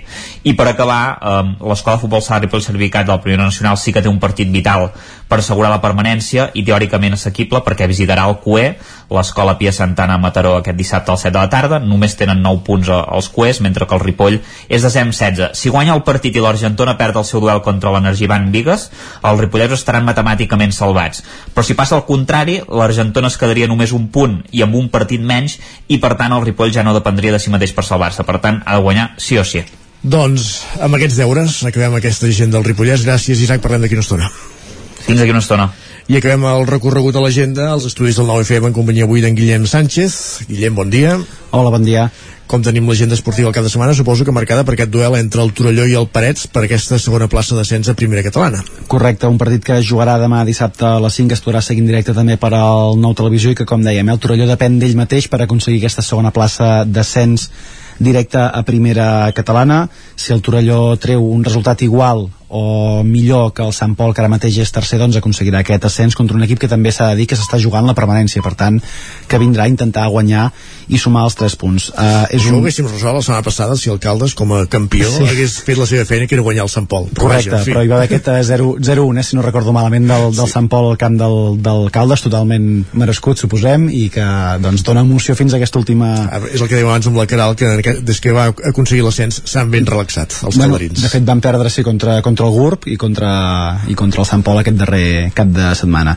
Com dèiem, a la segona catalana hi ha altres partits, GURB La Torreta, Taradell Caldes, Argentona Sant Julià i l'Oar Malgrat, amb encara alguna posició de descens, sobretot a, en joc en aquests eh, partits. També en el cas del futbol hi ha dos partits de la primera eliminatòria de la Copa Catalunya Amateur, que també juguen el Sant Quirze fora contra el Canvi de Let i el Taradell C al camp del Capellades. I ens fixem també en el món de l'hoquei, Isaac, perquè se juga l'última jornada de l'hoquei Lliga Femenina aquest cap de setmana. El Manlleu, si guanya, aconseguirà acabar tercer aquesta fase regular, tot i que ja està classificat per al play-off, per, per intentar aconseguir el, el títol. Les de Manlleu juguen demà dissabte a les 8 del vespre a la pista de les terceres, al Palau de Plegamans, i el Voltregà també rep demà a les 8 del vespre a l'Oliveres de la Riba, al Girona, que és el cué de la classificació. Si guanya, doncs, milloraria alguna posició ara mateix a la, a la Lliga Lliga en aquesta última jornada, en una setmana en què s'ha confirmat que tant Aina Arxer com Berta Terrida deixen l'equip de cara a la temporada que ve, per tant no sé si hi haurà també algun tipus d'homenatge cap, a, cap a les jugadores. I qui també està pendent d'intentar assolir l'ascens és el femení zona de bàsquet, que aquest dissabte a les 6 de la tarda juga a casa contra el Samà de Vilanova i la Geltrú. En cas de guanyar el femení Osona es classificaria per una final a 4 que li podria donar l'ascens. Ara mateix els dos equips estan empatats a victòries i a derrotes, per tant, qui guanyi quedarà primer eh, d'aquesta aquest, fase de grups i es classificarà per aquesta final a 4. Molt bé. I un parell de punts molt ràpids. Sí. Uh, recordem, durant el diumenge, 19è Campionat Territorial de Barcelona d'Atletisme per a persones amb diversitat funcional i intel·lectual, això per una banda, i també s'ha de dir que Vic aquest cap de setmana acull la primera prova puntuable per a la Copa del Món de Trial UCI 2022. Qui vulgui veure Trial i del Bo... Trial en bicicleta, eh? En bicicleta, correcte, cap a la zona esportiva el diumenge, al matí hi haurà les semifinals i a la tarda a partir de quarts de quatre totes les finals de les diferents categories. Perfectíssim, Guillem, moltíssimes gràcies. Que vagi molt bé. Bon dia. I ara sí, acabat el repàs a l'agenda esportiva d'aquest proper cap de setmana, el que fem és posar-nos al dia amb les notícies del territori 17.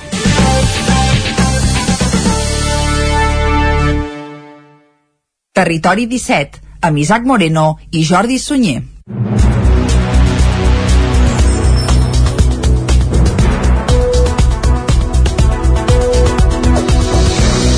Pràcticament 3 minuts que passen de les 11, moment d'actualitzar-nos. Els veïns d'Aigua Freda votaran aquest diumenge si es mantenen a la comarca del Vallès Oriental o volen passar a ser d'Osona. El procés participatiu està obert a prop de, la, de 2.200 persones empadronades aquí al municipi, més grans de 16 anys. Clàudia Dinarès. Falten dos dies per la celebració del procés participatiu a Aigua Freda i la sensació és que no se sap quina serà l'opció més votada, si quedar-se com està en el Vallès Oriental o passar a formar part d'Osona. L'Ajuntament va enviar a principis de setmana setmana un fulletó a tots els domicilis per aclarir dubtes i amb informació pràctica i aquest dimecres també es va celebrar una sessió informativa per aclarir dubtes. La consulta que s'ha ajornat fins a dues vegades des de l'any 2017 serà presencial i telemàtica. L'Ajuntament s'ha fixat un mínim d'un 33% de participació perquè el resultat sigui representatiu si bé no, no serà vinculant. La d'aquest diumenge no serà la primera consulta que es fa en aquest sentit a Aigua Freda. L'any 1987 els veïns ja van decidir que volien continuar al Vallès Oriental. En aquell moment va tenir un especial pes l'atenció sanitària a l'Hospital de Granollers, atès que encara no existia l'actual Hospital de Vic.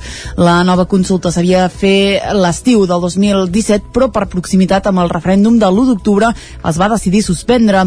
La pandèmia també va impedir fer-la durant la primavera del 2020. Els resultats de la consulta no es coneixeran fins dimarts, ja que es vol comprovar que no hi hagi duplicitats i evitar que voti gent de fora d'aigua freda. I més processos participatius. Trolló farà una consulta a la població per decidir si fa festa local per Carnaval o per Recoprevera. La consulta l'impulsa l'equip de govern amb el suport de la CUP i el PSC, mentre que Junts per Catalunya se n'ha desmarcat. La consulta es fa després d'almenys 15 anys de reivindicacions per part d'alguns col·lectius del teixit social de Torelló. Al febrer de 2020, des de l'Ajuntament, ja es van començar a reunir amb entitats per avançar-los la voluntat de tirar endavant la consulta, però la pandèmia va aparcar el projecte. Ara, dos anys després, la consulta sí que tirarà endavant. Ho explica l'alcalde de Torelló, Marçal Ortuño és un tema que històricament aquí a Torelló doncs, eh, s'ha anat parlant, èpoques amb més intensitat i èpoques eh, amb menys, però és un tema doncs, que, que aquest mandat es va tractar també al ple i es va agafar el compromís d'abordar el tema abans d'acabar el mandat.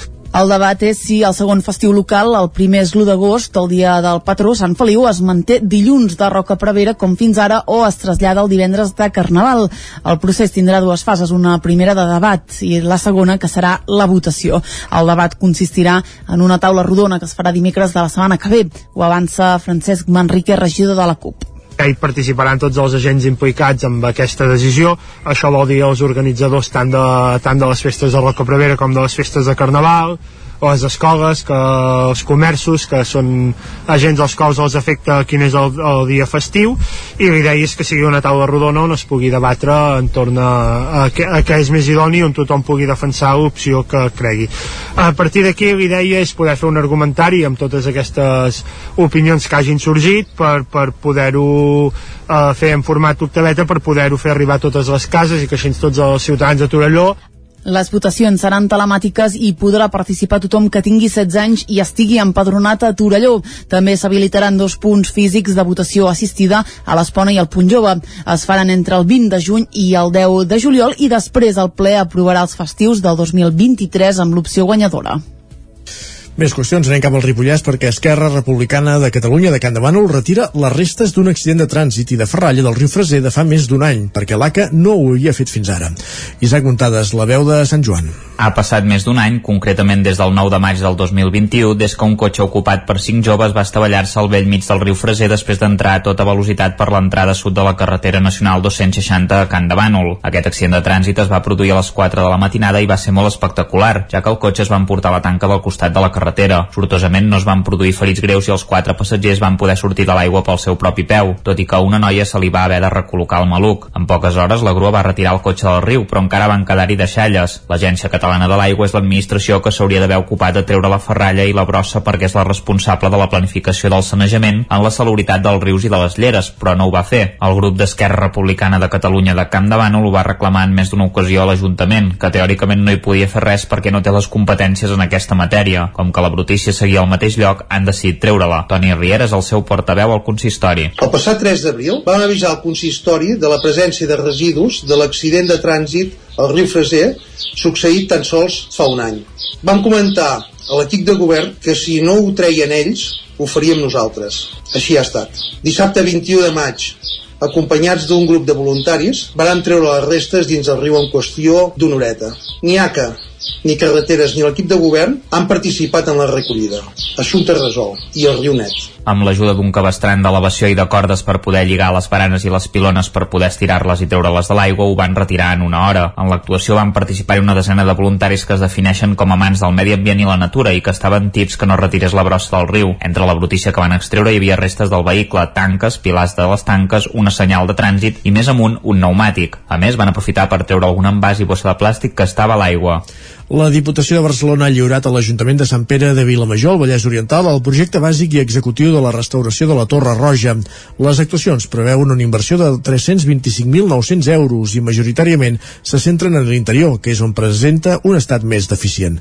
Núria Lázaro, Ràdio Televisió, 10. Es tracta d'una torre quadrada datada de l'inici del tercer quart del segle XI i reforma dels segles XVII i XX, exempta en funció de campana i aspecte defensiu que va ser catalogada com a bé cultural d'interès nacional al 1949 en virtut del decret de l'Estat de protecció de castells espanyols. L'objectiu del projecte és l'especificació de les actuacions necessàries per a la seva conservació i restauració, així com l'adequació interior per fer possible la seva visita pública. El projecte ha estat redactat seguint les directrius del Pla Director lliurat pel Servei de Patrimoni Arquitectònic Local 2014, arran del qual es va efectuar l'estudi històrico-documental tipològic i d'evolució constructiva. Les actuacions previstes en el projecte preveuen una inversió de 325.898.000 euros i majoritàriament se centren en l'interior, que és on presenta un estat més deficient. En planta baixa es preveu situar una rampa i tarima exteriors de fusta per salvar el desnivell de més de mig metre d'alçada entre la plaça i la porta de la torre i interiorment aquesta tarima es perllonga a tota la planta baixa. Des de l'espai central es podrà apreciar tota l'alçada de la torre a través de l'antic forat dels contrapesos del rellotge, que romandrà obert fins la planta segona. A través d'aquest forat es farà el pas de les instal·lacions d'il·luminació, electricitat, mecanismes de les campanes i nou parallamps que seran renovades.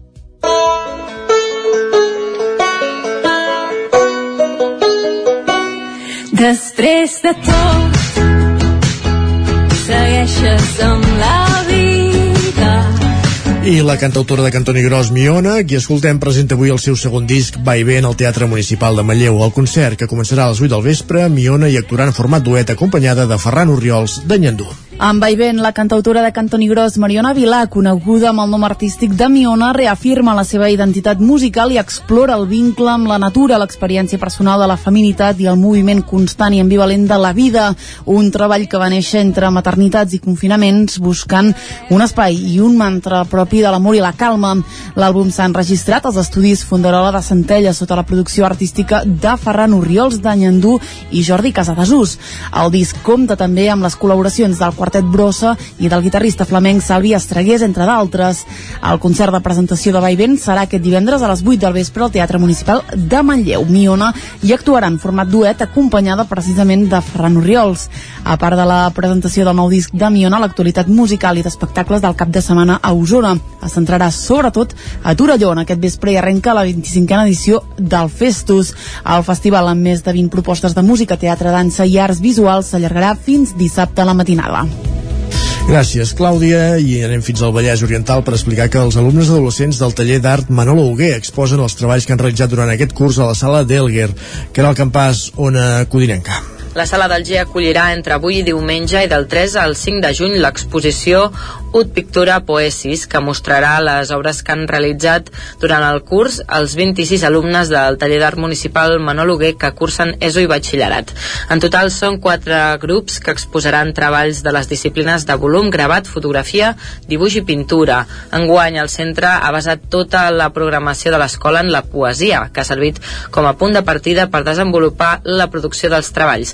D'aquí el títol de la mostra, Ut Pictura Poesis, és una locució llatina que ve a dir que la poesia és pintura que parla i que la pintura és poesia muda. L'exposició s'inaugurarà avui a les 7 de la tarda a la sala del G. Gràcies, Caral. Amb aquesta crònica acabem aquest repàs informatiu que començàvem a les 11 i 3 minuts. I amb les notícies que hem fet en companyia de la Caral Campàs, la Clàudia Dinarès, l'Isaac Muntades i la Núria Lázaro, arribem a, pràcticament a un quart de dotze, en falten dos minuts, encara no, i el que farem, com cada dia a aquesta hora, tot seguit al Territori 17, és posar-hi música en companyia de Jaume Espuny, amb un clàssic musical, i avui Guerriller, avui Sex Pistols. Territori 17. Envia'ns les teves notes de veu per WhatsApp al 646 079 023. 646 079 023. WhatsApp Territori 17.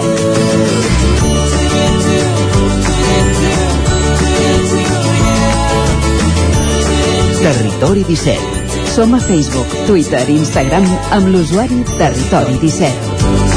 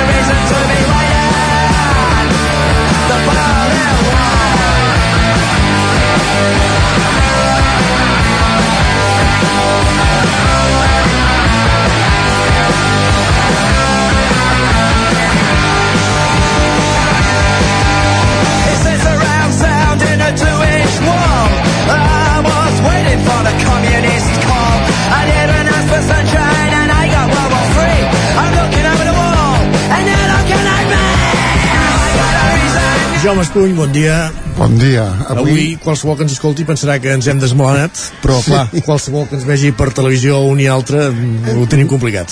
Desmelenar-nos, sí. Uh, ens porta Sex Pistols avui, Sex eh? Pistols, sí. Molt Oita, tal dia com avui, però del 1977, Ui, Sí, l'any ja. que vaig néixer, ves, però... Sí, hòstia.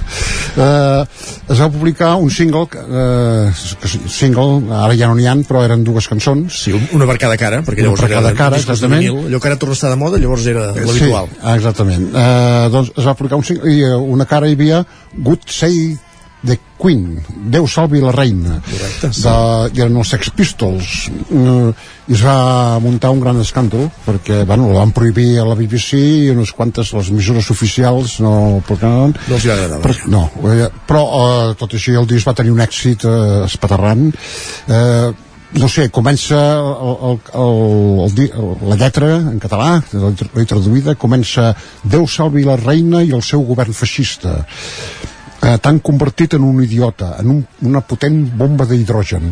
Eh, I així tot.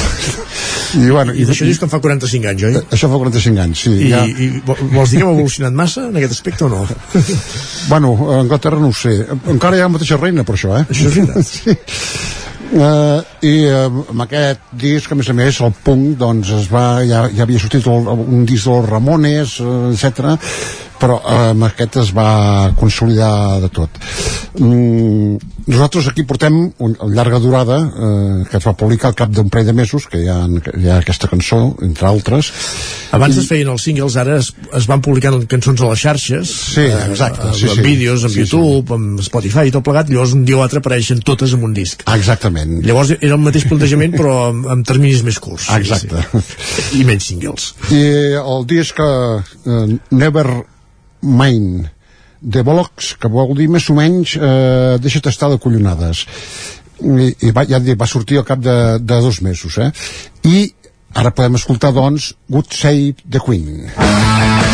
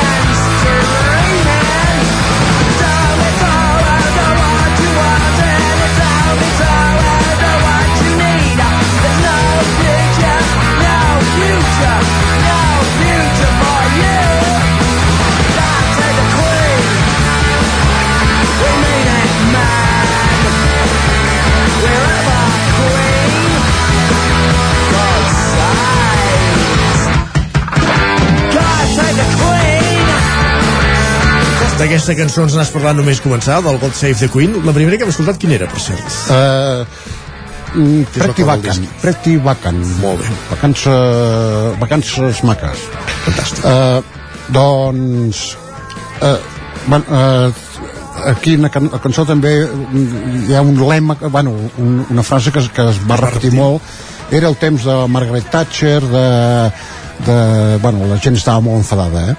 Uh, que va dient no, no, fit, no future for you que no hi ha futur per tu uh, en el somni d'Anglaterra el, els joves eh? sí, bueno, sí. ara més o menys canta el mateix si, si vas a mirar um, no, no cal buscar, aquí no, no podem buscar la melodia, perquè no, no hi ha melodia. Són guitarres, ja està. Són guitarres eh, eh, molt potents i, i el Johnny Rotter, el, el cantant, més que cantant les paraules, eh, jo diria que els escup, eh, bueno, les actuacions de les actuacions dels Sex Pistols eh, eren una mica alarmants gairebé, eh, perquè eh, era, era, un, era un perill gairebé. Perquè aixecava molt la, la, mala, la mala lluna de la mala llet de, de, de, de les- sí, sí, exacte. Les enfadat. Uh, per cert, el Johnny Rotten, Rotten uh, es deia Johnny Lin, Leydon ell es va canviar el nom, Johnny Rotten que traduït vol dir Johnny Podrit ah. no s'estaven de res uh, aquí es, es, estem sentint que van dient no hi ha futur per tu, no hi ha futur per tu Ara en sentirem un altre que va pel mateix to, eh, perquè no paren, eh, no paren. Anarchy in the UK, anarquia a la Gran Bretanya.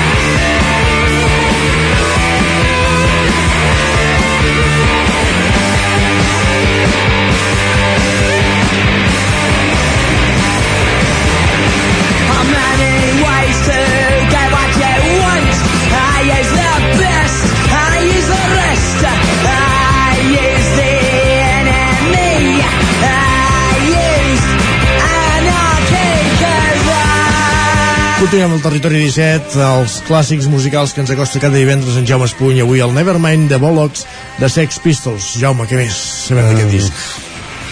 Uh, bueno, Com aquesta banda. Sí, és una curiositat, vull dir, em sembla que és un cas únic a la història, perquè els Sex Pistols s'han quedat com els, el gran grup Punky, el punk. punky, no? El punk, exactament. I, bueno, eh, quants discos van gravar? Eh, Aquest. En sèrio? No has Sí, sí, sí, sí.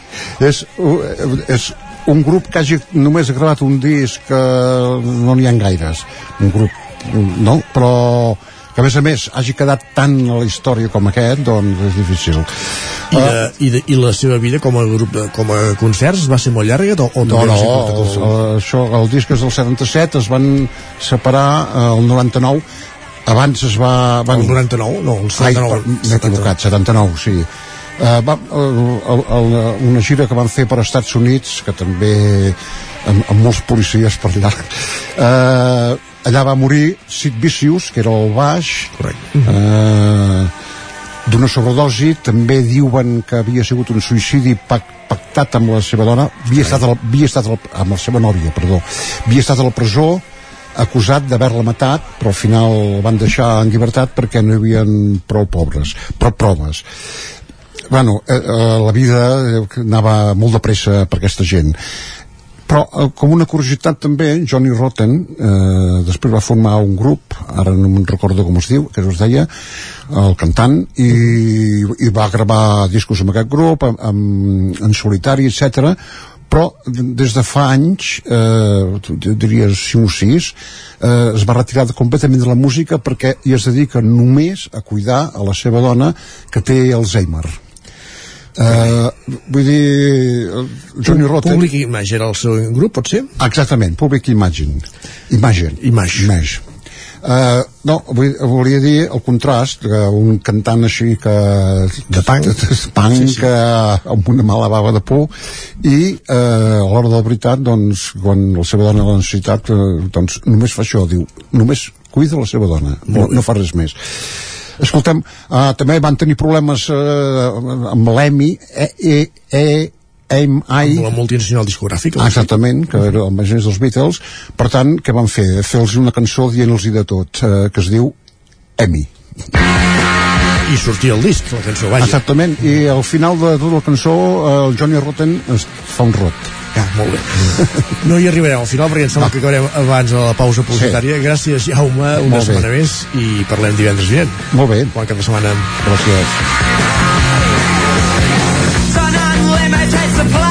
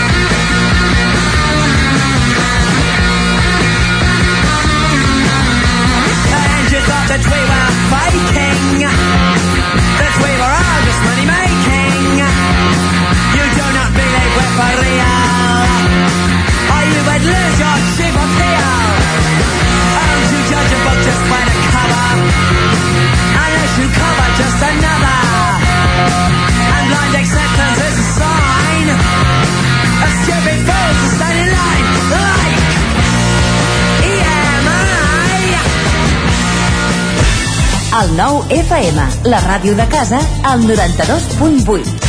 En Santi no para de teletreballar. Per això necessites sempre la millor connexió. Si treballes fora de l'oficina, escull la millor fibra i línies mòbils amb la major cobertura 5G, com en Santi. Benvinguts a Mi Movistar. Configura-la al 1004, a movistar.es o a les botigues amb fins a un 50% de descompte els 3 primers mesos. Perquè ara Movistar arriba a Barcelona. Movistar, la teva vida, millor.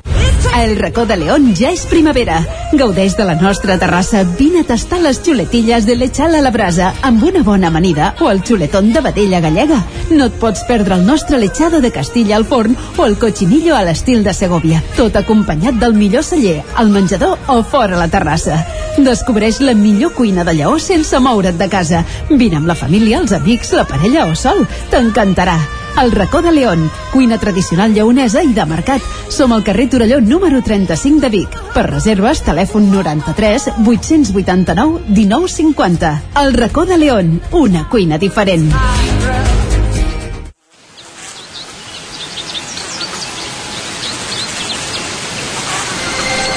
Coneix les herbes remeieres. Gaudeix de Vilanova de Sau. Trentena Fira d'Herbes Remeieres de Vilanova de Sau. Diumenge 5 de juny. Ajuntament de Vilanova de Sau. Cobertes serveis funeraris. Els nostres tanatoris estan ubicats en els nuclis urbans més poblats de la comarca d'Osona per oferir un millor servei. Tanatori de Vic, Tanatori de Manlleu, Tanatori de Centelles i Tanatori de Roda de Ter. Sabem que són moments difícils i per això el nostre compromís és atendre-us en tot moment amb un tracte humà, sensible i respectuós. Cobertes serveis funeraris. Telèfon 24 hores 93 883 23 46. El nou FM. La ràdio de casa al 92.8. Cocodril Club. Si t'agrada la bona música dels anys 60, 70 i 80, escolta el 9 FM els matins de dissabtes i diumenges d'11 a 1. És el temps del Cocodril Club, tot un clàssic de la ràdio, amb les bases del pop-rock, les llegendes, les cançons que s'han convertit en autèntics himnes. Recorda, dissabtes i diumenges al matí, d'11 a 1, al 9 FM 92.8. Cocodril Club, el programa revival de l'Albert Malla. Hasta luego, cocodrilo.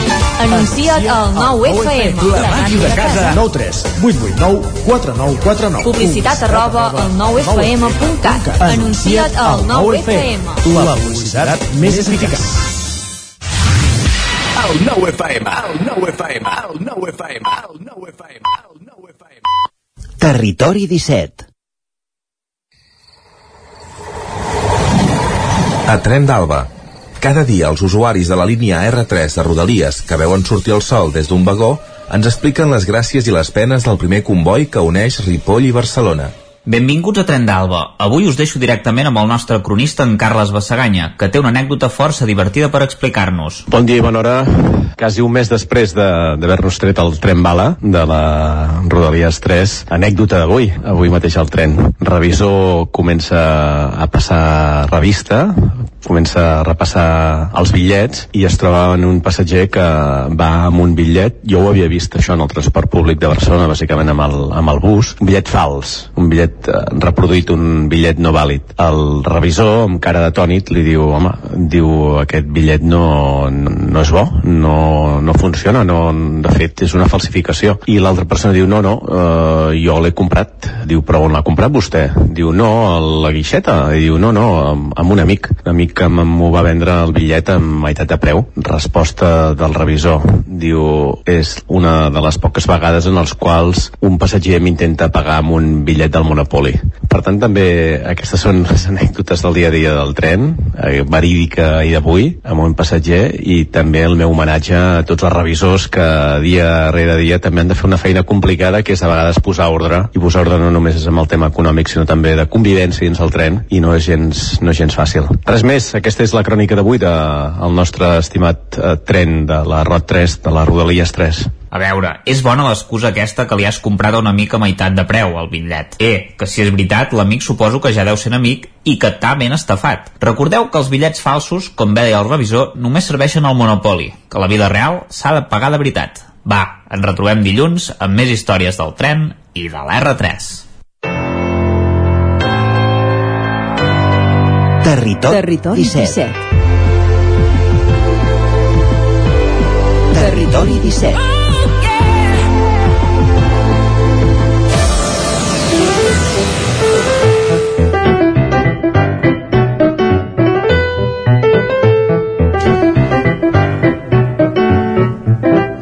Dos minuts i mig que passen de dos quarts de dotze al territori 17. Avancem, continuem després de passar per la R3, de després de la crònica que ens portava avui en Carles Bassaganya, perdoneu, recollida per l'Isaac Montades des del Veu de Sant Joan. El que fem ara és anar cap a la Foglent. L'espai de cuina i gastronomia que ens acompanya cada divendres, avui des de Ràdio Televisió Cardedeu amb l'Òscar Muñoz, que ens parla, eh, alerta, ens acosta al timbal. Benvinguts a un nou a foc lent des de Cardedeu. Avui ens desplacem a Llinars del Vallès, ara que ve el bon temps, anem a una de les terrassetes de moda. Situat al carrer 11 de setembre al costat o al voltant de la plaça de l'Església trobem el timbal de Can Ginesta. I avui doncs, parlarem amb en David, amb el propietari, per veure doncs, aquest local com és i on està situat. Bon dia, David. Hola, molt bones. Em, com comentàvem, estem aquí al, al timbal de Can Ginesta. Explica'ns aquest local, bueno, aquesta terrasseta d'on que era abans, que on estem? Mira, doncs això es tracta d'una antiga quadra de vaques amb el seu pati al costat i portem aquí ja aquesta serà la vintena temporada uh, això era dels meus avis que, que tenien aquí el bestiar i nosaltres amb un projecte en comú amb un amic que, que ara ja no hi és uh, doncs bueno, vam dir doncs muntem alguna cosa així més desenfadada posar unes cadiretes i posar alguna cosa així que Llinars no hi era. Uh, estava a l'àrea central però no estava així en, en locals petits no hi era. I a poc a poc vam anar embalantonant-nos, vam anar fent que si aquestes cadiretes es van transformar en unes cadires més bones, que si això es va convertir en allò i a poc a poc vam anar esdevenint doncs, el que és ara el timbal. Tot ha anat molt progressivament. És a dir, primer va ser el que és el pati és on vam apostar fort i després aquesta zona de la quadra de les vaques igual que la, que la cuina doncs ja va esdevenint a poc a poc a mesura que em van passar els anys. Perquè érem molt joves i no teníem prou diners moltes ganes però no teníem prou diners i era tot molt complicat. La cuina la compartíem amb els meus pares que tenien una cafeteria però quan ells tancaven nosaltres obríem i compartíem la cuina i bueno, clar, allò era un xou i el que passa que bueno, quan hi ha ganes de fer alguna cosa doncs pots amb tot. I aquesta zona d'aquí de la quadra doncs a poc a poc s'ha anat agafant més color a mesura que han anat passant els anys. Uh, a tot això pues, la gent ha sigut molt fidel i són els que ens, de fet ens han pogut fer gaudir de tots aquests anys i encara aquest és un treball, una feina temporal i clar, el fet que sigui temporal també per una banda la clientela no és mm, no es cansa de venir sempre al mateix lloc i tu tampoc et canses de treballar sempre al mateix lloc eh? vull dir, és la part bona que al principi costa quan ets més, més jove però ara ja ens hem habituat a un estil de vida i, i aquí continuem Diem que és temporal perquè això s'obre per l'època d'estiu, de, ja quan comença la primavera, estiu, no? és quan s'obre el, el timbal, quan es fa la reobertura i tota la gent doncs, està amb ganes, no podríem dir-ho, que com no està obert tot l'any, doncs al final quan arriba la temporada de timbal, tothom cap al timbal. Sí, sí, és així. Uh, normalment, depèn cap on caigui Setmana Santa, però als voltants de Setmana Santa és quan obrim i tanquem doncs, quan ja la temporada està acabada, que és l'octubre, mitjans d'octubre, depèn ja de les pluges i de la fresca que faci. Uh, és temporal i no... Sí que és veritat que molta gent doncs quan et veu ja per aquí de Llinars perquè treballem a la muntanya després eh, et pregunta, ei, quan obriu el timbal? perquè dona el, el sentit de l'estiu, no? És a dir, ostres, si obren el timbal vol dir que ja veu bon temps, no? Aleshores això fa que tothom tingui com moltes ganes i, i, bueno, i així ho, ho, ho continuem fent uh, sí que també ens han proposat de, ostres, doncs per què no esteu aquí tot l'any però com pots comprovar necessitaríem una sèrie de canvis que tampoc ja no seria el que és vale? aleshores ho volem mantenir així sempre quan es pugui i sí, sí, així, així continuem Llavors, per la gent que no hagi vingut aquí al Timbal, què és el que oferiu? Que, quin és el... és més de copes? També tenim aquesta, una carta que any rere any es va modificant, es va millorant, podríem dir-ho. Eh, això, quin és el servei de, que oferiu aquí al Timbal? Mira, aquí és un lloc per estar i gaudir de, en primer lloc, i era la idea i continua sent-ho de la música vale? tenim una oferta musical que a mi m'agrada molt i m'he passat moltes hores i amb altres amics que també m'han ajudat eh? a, a, a tenir a, a, a tenir música i a tenir una gran varietat de música i, i estar tranquils prenent alguna cosa què és el que passa? Que aquesta mateixa gent, perquè al final fas les coses doncs, perquè el client t'ho demana, aquesta mateixa gent doncs et va dient, escolta, em podríem fer alguna per menjar? No?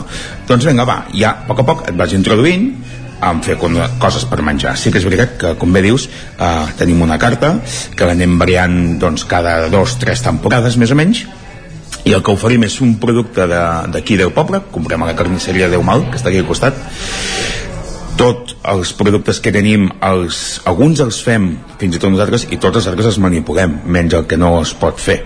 Uh, tot és fet aquí tot és de casa i hi ha pocs productes que vinguin de fora. És una cuina molt és fàcil però hem de tenir en compte que el lloc és petit i que el que volem és que la gent vingui amb un mengi coses per picar, braves, tot el que estan tapetes així, eh, algunes amanides i una selecció d'hamburgueses i, i d'entrepans i fajites i algunes coses així fàcils, però que, que són desenfadades i que en un moment donat doncs, tu acabes de menjar i pots, i pots marxar. No és, un, no és entaular-te a fer un sopar amb un primer, amb un segon. Uh, és la manera que hem, vam pensar i seguim pensant més àgil de, de poder trobar un benefici i que la gent pugui gaudir la màxima gent possible vale? amb un espai de, de temps curt perquè són coses de fer pim-pam Uh, a part d'això també, clar, nosaltres oferim un servei de, de copes, tenim doncs això, doncs, per prendre alguna cosa així a la tarda, com cerveses artesanes, que des de fa molts anys que les, fem, les tenim, i ara doncs cada 15 dies està, és veritat que està molt de moda i la gent ho demana molt, i tenim un noi que se n'en cuida i cada 15 dies doncs anem canviant el, a tot l'assortiment de, de cerveses. I després doncs també obrim a les nits fins que el temps ens deixa i fins que la normativa ho diu i oferim pues, alguns còctels, alguns mojitos que està molt de moda també, abans fèiem més cocteleria però es va deixar de banda i ara es, tot es centra més en mojitos de maduixa i aquesta sèrie de coses.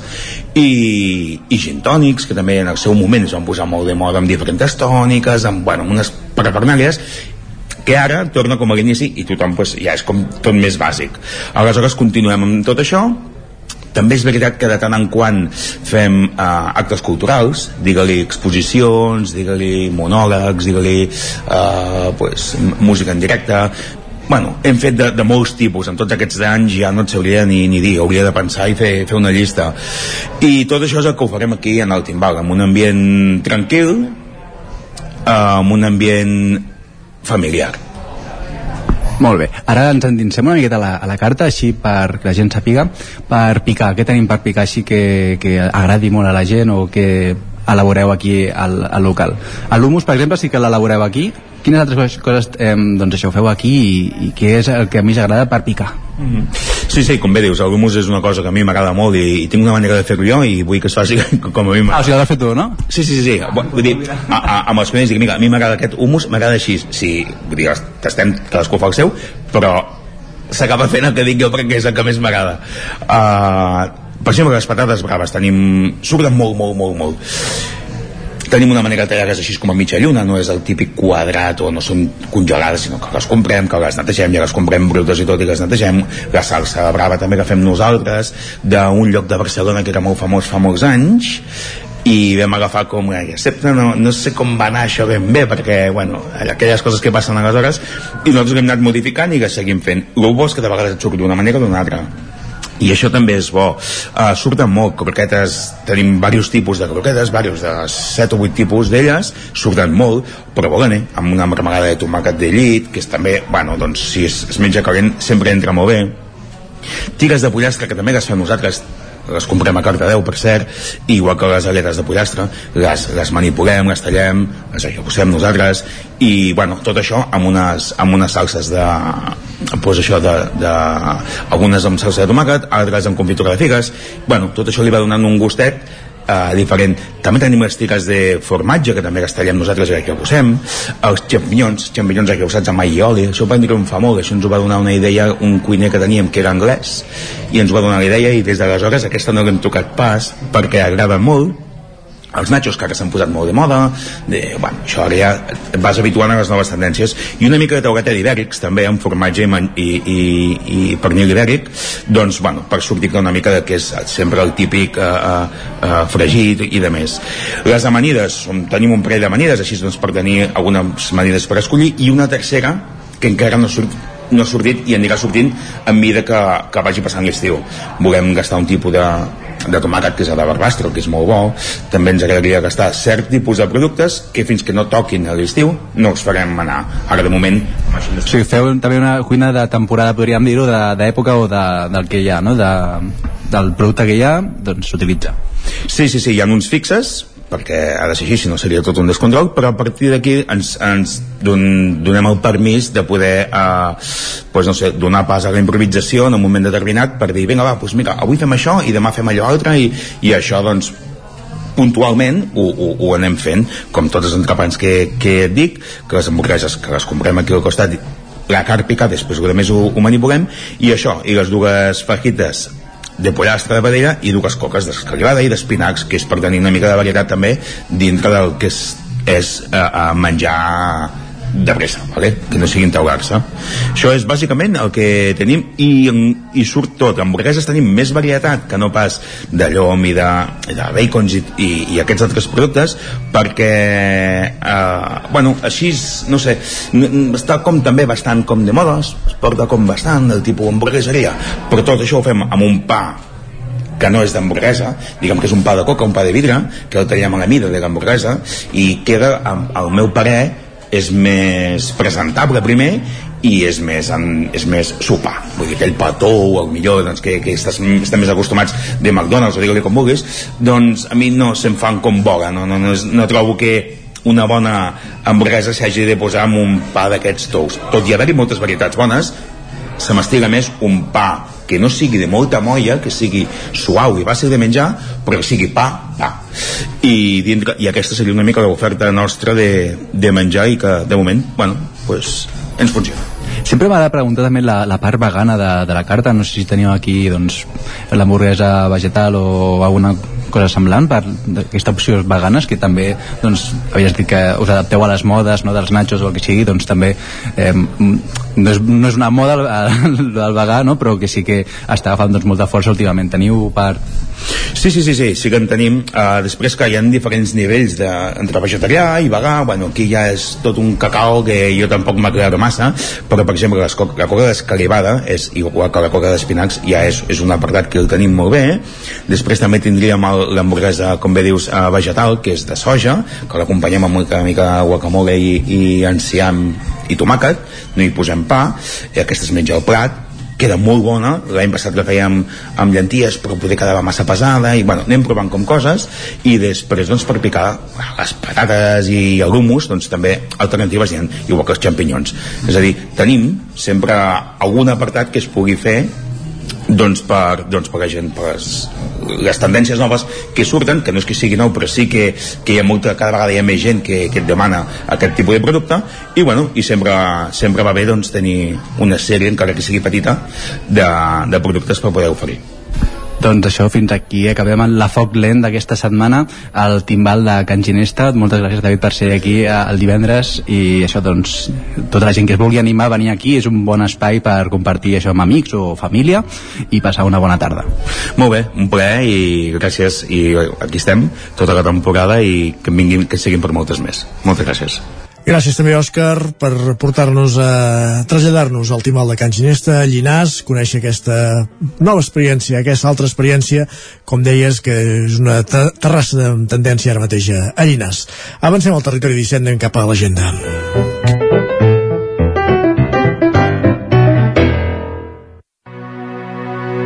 Territori 17. El 9 FM, la veu de Sant Joan, Ona Codinenca, Ràdio Cardedeu. Territori 17.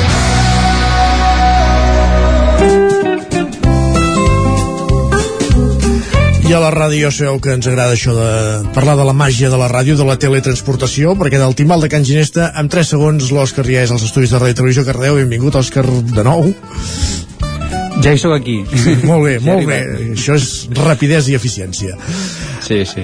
Molt bé aquesta experiència gastronòmica i ara parla'ns de l'agenda. Va, què tenim per aquest cap de setmana? Ah, exacte, sí, doncs abans d'anar a Granollers, comentar, eh, perquè Granollers és la festa de l'Ascensió, llavors eh, anem a Llinars abans, diumenge hi haurà el Mercat Boig per comprar, vendre i intercanviar a l'àrea central del Passeig d'Europa de les Nacions, doncs aquí a Llinars diumenge hi haurà aquest Mercat Boig. Després, doncs això, com comentàvem, en el marc de les fires i festes de l'Ascensió, unes dates que la gent doncs, surt al carrer, es diverteix i vol descobrir, hi haurà molta activitat aquí a, a, bueno, a Granollers. I comencem avui mateix a les 10, hi haurà el Jugar per Jugar a la Roca Humbert, ha, és una, una fira d'oci comercial i propostes interactives per als diferents públics que assisteixin en el Jugar per Jugar i serà divendres 17 i diumenge de 10 a 9 a la Roca Humbert a la Fàbrica de les Arts. Després també si, eh, divendres i dissabte a les 11 hi haurà el mercat del Cheese Party a la plaça de l'Església acull aquesta festa del formatge que estarà acompanyada de vins, música i bona companyia. Demà dissabte a les 9 començaran els mercats doncs, ja més clàssics, el mercat de productes ecològics i de proximitat, amb els pagesos i productors ecològics del territori a la plaça de la Corona, al mercat de segona mà de l'associació Juntos por los Niños i al mercat de Brocanters durant tot el dia a la plaça Josep Maluquer i Salvador. A les 10, eh, dissabte a les 10, hi haurà també la Fira d'Economia Verda i Circular, un esdeveniment comercial i divulgatiu de l'àmbit català que ens obre les portes a l'economia verda i circular. Això doncs, seria aquests mercats de- d'aquí, de, de Granollers, però això, hi haurà moltes activitats culturals que aniran complementant doncs, aquests mercats. Molt bé. I fins aquí seria aquest repàs breu de, de, de Granollers de les fires d'Ascensió. Molt bé. I res més a Cardeu? Ja ho tenim tot dit? A Cardedeu ho tenim tot dit, hi haurà actes culturals, però deixem tot a Granollers aquest cap de setmana. Molt bé, que té el protagonisme. Ja que, doncs, tota la gent anirà cap allà. Doncs cap allà, Òscar. Gràcies, bon cap de setmana. A vosaltres. Continuem cap a Caldes, cap a Sant Feliu, cap a Vigues, cap al Moianès. Caral, benvinguda de nou. Com tenim Hola de nou. Mireu, a Caldes eh, ahir va començar la via del Pinxo, eh, tot aquest cap de setmana, avui, dissabte, diumenge i durant tota la setmana que ve fins divendres. Tothom qui s'acosti a Caldes de Montbui doncs, eh, podrà mm, a- anar a algun dels 13 establiments que formen part d'aquesta via, d'aquesta ruta del Pinxo, eh, que ofereixen doncs, a una etapa especial i un quinto um, per dos euros i mig. Um, bé, és una molt bona oportunitat per veure Caldes i per visitar diferents doncs, espais gastronòmics de la vila. Després Sí, també tenim aquí a Caldes um, aquest uh, dissabte, demà, uh, una actuació de l'agrupació sardanista calderina i uh, perquè en motiu de la cinquantena edició de la plec de Caldes de Montbui uh, doncs fan una, això, una mostra sardanista i també estaran acompanyats de la Copla Marinada i la Copla Sant Jordi Ciutat de Barcelona i tot plegat serà a partir de les 5 de la tarda al Parc de l'Estació. Um, me'n vaig cap a Sant Feliu de Codines, aquí tenim aquest diumenge els, els Diables infantils del grup del Correfoc del Follet i la Fantasma organitzen un bateig de foc, és, serà aquest diumenge a partir de les 4 de la tarda, doncs tots els infants a partir de, de 8 anys que vulguin provar-ho, uh, doncs animen que, que puguin, que puguin venir-hi, no? A la, això, eh? a, la, a la plaça Josep Humbert Ventura a partir de les 4 amb, amb roba adequada per, per provar què és això de, de cremar. Um, després acabaria amb el Moianès, aquí tenim dues propostes, bueno, una proposta esportiva, una que té a veure amb l'entorn i una proposta més de caire cultural musical que no vaig comentar dimecres. Uh, la primera, la proposta esportiva és a Oló, és la quarantena caminada popular, és aquest diumenge 14 quilòmetres amb 450 metres de desnivell. Uh, i s- les sortides seran de dos quarts de vuit a dos quarts de nou uh, des de la plaça Catalunya d'Oló i les inscripcions doncs, uh, són, es fan el mateix, el mateix dia. Després tenim aquesta proposta vinculada amb l'entorn que, que ofereixen des del grup Conservem el Moianès eh, és aquest dissabte a les 5 de la tarda eh, el punt de trobada és el pàrquing del camp de futbol de Castellterçol eh, i bé, el grup Conservem el Moianès doncs oferirà una mena de caminada comentada eh, eh, pels parcs naturals a l'entorn del camp de golf de Castellterçol, el Serrat de les Comes i la Font de la Teula, explicant doncs, la, la biodiversitat que es pot trobar als prats naturals d'aquesta zona. I acabo amb aquesta proposta musical que et deia, uh, Isaac, uh, doncs és el cicle, el setè cicle de concerts organitzat des de Joventuts Musicals de Mollà, aquest cicle que es diu Música, Patrimoni i Gastronomia, que, que barreja una mica doncs, una visita comentada, un concert i un tastet de productes del Moianès i es va, es va fent de forma una mica itinerant en diferents punts de, de la comarca i en aquest cas aquest dissabte és a la Balma de les Coves del Toll, un Mhm. entorn doncs, espectacular, a les 6 de la tarda dissabte doncs, amb l'actuació del cor jove del Moianès. Perfecte, doncs propostes dites i fetes. Gràcies, Caral. Merci. Bon cap de setmana. Anem cap al Ripollès. Ràpidament, Isaac, abans de repassar l'agenda, ja tenim el titular del que deia el president del Consell Comarcal respecte a la, la proposta de posposar la consulta sobre els Jocs Olímpics d'hivern. Sí, exacte. En Joaquim Colomer ara fa una estona ha comparegut davant els mitjans de comunicació i ha dit que ho troba encertat, que, que s'ha d'esperar fins que estigui clar, però que sempre ell, eh, la seva postura ha estat que defensar que no era necessària aquesta consulta, que ja el govern doncs, ha de tenir... No, no, sí. sí. no és necessari la consulta, el que sí que és necessari, segons ells, són els Jocs Olímpics, eh? Ex- Exacte, exacte. Ell sempre ha defensat que el govern ja tenia la potestat doncs, eh, per, per tirar-los endavant sense que hi hagués d'haver-hi consulta perquè era un projecte prou important i, i que ell amb tots els alcaldes i alcaldesses i amb els consells comarcals que ha parlat doncs creuen que, que estan a favor en, en aquest sentit i, i bé, ell sempre ha dit que des del Ripollès eh, sempre s'ha queixat que no, no se senten escoltats i que, i que no tenen inversions i que ara doncs que, que arribava un projecte interessant doncs que s'havia d'apostar per ell i, i, i bé, això, que la despesa de fer també la consulta era, innecessària, eh, això que deia Dit Bàsicament. això, molt bé, dit això, repassem l'agenda del cap de setmana, que no és pas curta, tenint en compte que a Ripoll, ni més ni menys que pel mes de maig, fan carnaval. Mare de Déu, va. Sí, Exacte, exacte. A Ripoll fan carnaval d'estiu, normalment ja sabeu que no es fa per aquestes èpoques, però es va haver de posposar per la pandèmia. Aquest divendres començarà ja amb la 23a edició, avui mateix, de la ruta hippie del Romànic, amb inscripcions a la Devesa al Pla per grups d'entre 4 i 6 components per fer les proves. A tres quarts de 10 es farà el pregó per començar el Carnestoltes a càrrec de la reina de, del Carnestoltes a la plaça del Monestir. Després començarà la ruta hippie, que acabarà a dos quarts d'una, i hi haurà una actuació dels entrompats van fins a la Devesa del Pla, on hi haurà revival amb, amb DJs.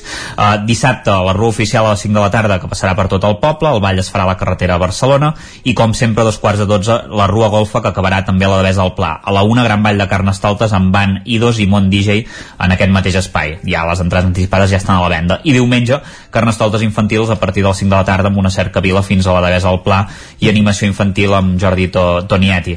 Uh, divendres, uh, avui mateix, a Ripoll se celebra la festa del 27 de maig a la plaça de l'Ajuntament a les 6 de la tarda. Hi haurà audició de sardanes amb la Copla Ciutat de Girona i a la mitja part doncs, una, ofre una ofrena floral a l'estàtua, també una cantada a càrrec de la coral Capella de Santa Maria i després galejada a càrrec dels trabucaires i pedrenyalers de Ripoll. Hi ha moltes més coses, però acabem ràpidament amb Can de Mànol, que hi haurà la festa dels Pirineus del Ferro, que com ja us han explicat a l'informatiu, doncs clausurarà aquest projecte Pirfer amb la inauguració a les 11 del matí aquest dissabte. També s'inauguraran dues exposicions titulades Rostres i paisatges del Ferro i Pirineus del Ferro i Forja Artística al Centre Cívic. Hi haurà parades d'artesania, un vermut amenitzat pel grup de música als Randallaires a la una del migdia i a la tarda, dos quarts de sis, es farà el ball tradicional de la Catalunya Nord eh, del Vall de l'Os i sardanes, després les Olimpíades del Ferro i s'acabarà amb un sopar popular amenitzat per DJ Fontaine a la plaça Vall de Mosa. Perfecte, Isaac, gràcies també per la síntesi. Uh, bon cap de setmana. Adeu, igualment. Acabem aquest recorregut de la gent dels estudis del 9FM amb el Miquel R. Vic, bon dia. Bon dia. Com tenim la gent d'Osona aquest cap de setmana? Doncs tenim un plat fort, diguéssim, pel que fa a propostes firals aquest cap de setmana. És aquesta remodelació de la Fira del Tupí a Sant Julià, una d'aquestes fires amb correcte ceràmic serà el nom. Uh, és d'aquestes fires que ens agrada també parlar-ne, perquè és d'aquestes que sempre diem, que, que, que transmet uh, autenticitat i que està i, i que busca un vinc amb la població que l'organitza, no? en, aquests, en, en aquest aquest cas, diguéssim, amb la, amb la història centenària del, dels tupinots a Sant Julià, eh, amb, amb aquest vincle amb la ceràmica. Um, I per tant, eh, això, l'any 2019 es va viure la 11a edició, la Fira del Tupí, i en aquell moment, um, per no deixar-la allò, per no morir d'èxit també, és una fira també molt específica, monotemàtica, recordem-ho, i, i per evitar sí que es havia anat diguéssim que havia anat creixent amb aquests anys però arriba un punt que, que, que hi ha un cert estancament i li, don, li volen donar uh, una volta i neix aquí la proposta del keràmic no? l'any següent, mm, ho recordem va venir la pandèmia, l'any passat se'n va fer una mica de tastet amb una, amb un, que es va aprofitar també per fer un homenatge als grups Bombolla amb un acte uh -huh. a la al, al mateix parc de les Set Fonts, que serà el nou escenari de la fira, i aquest any finalment podrem veure ja complert el que és, que és la, el keràmic, no?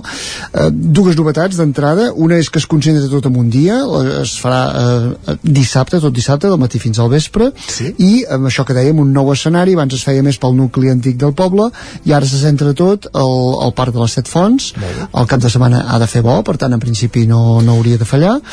El, diumenge, per tant, dissabte salvat dissabte salvat, Avui, correcte. diumenge ens ha avisat alguna tempesta. Podria haver-hi algun d'allò, doncs dissabte el tenen salvat, farà bo, farà calor, i la idea és això, eh? és, un, és tot uh, girant al entorn de la ceràmica i el funk uh, amb un caràcter més sensorial, amb un caràcter més participatiu per donar-li uh, aquest nou toc també més modern.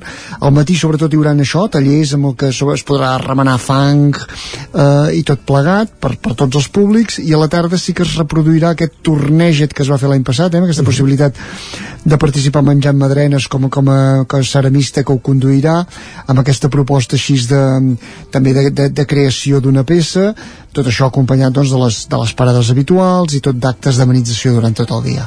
Algun altre punt d'atenció? Recordar en el cas de Vic que s'estrena el Big Freak, eh? és una fira eh, a dins de l'edifici del Sucre de Vic que reunirà doncs, tot el món de la ciència-ficció i la fantasia, ah, marxandatge, laser tag, realitat virtual, dissabte i diumenge, recinte final del sucre. Doncs queda dit. Moltíssimes gràcies, Miquel. Bon cap de bon setmana. Cap de setmana.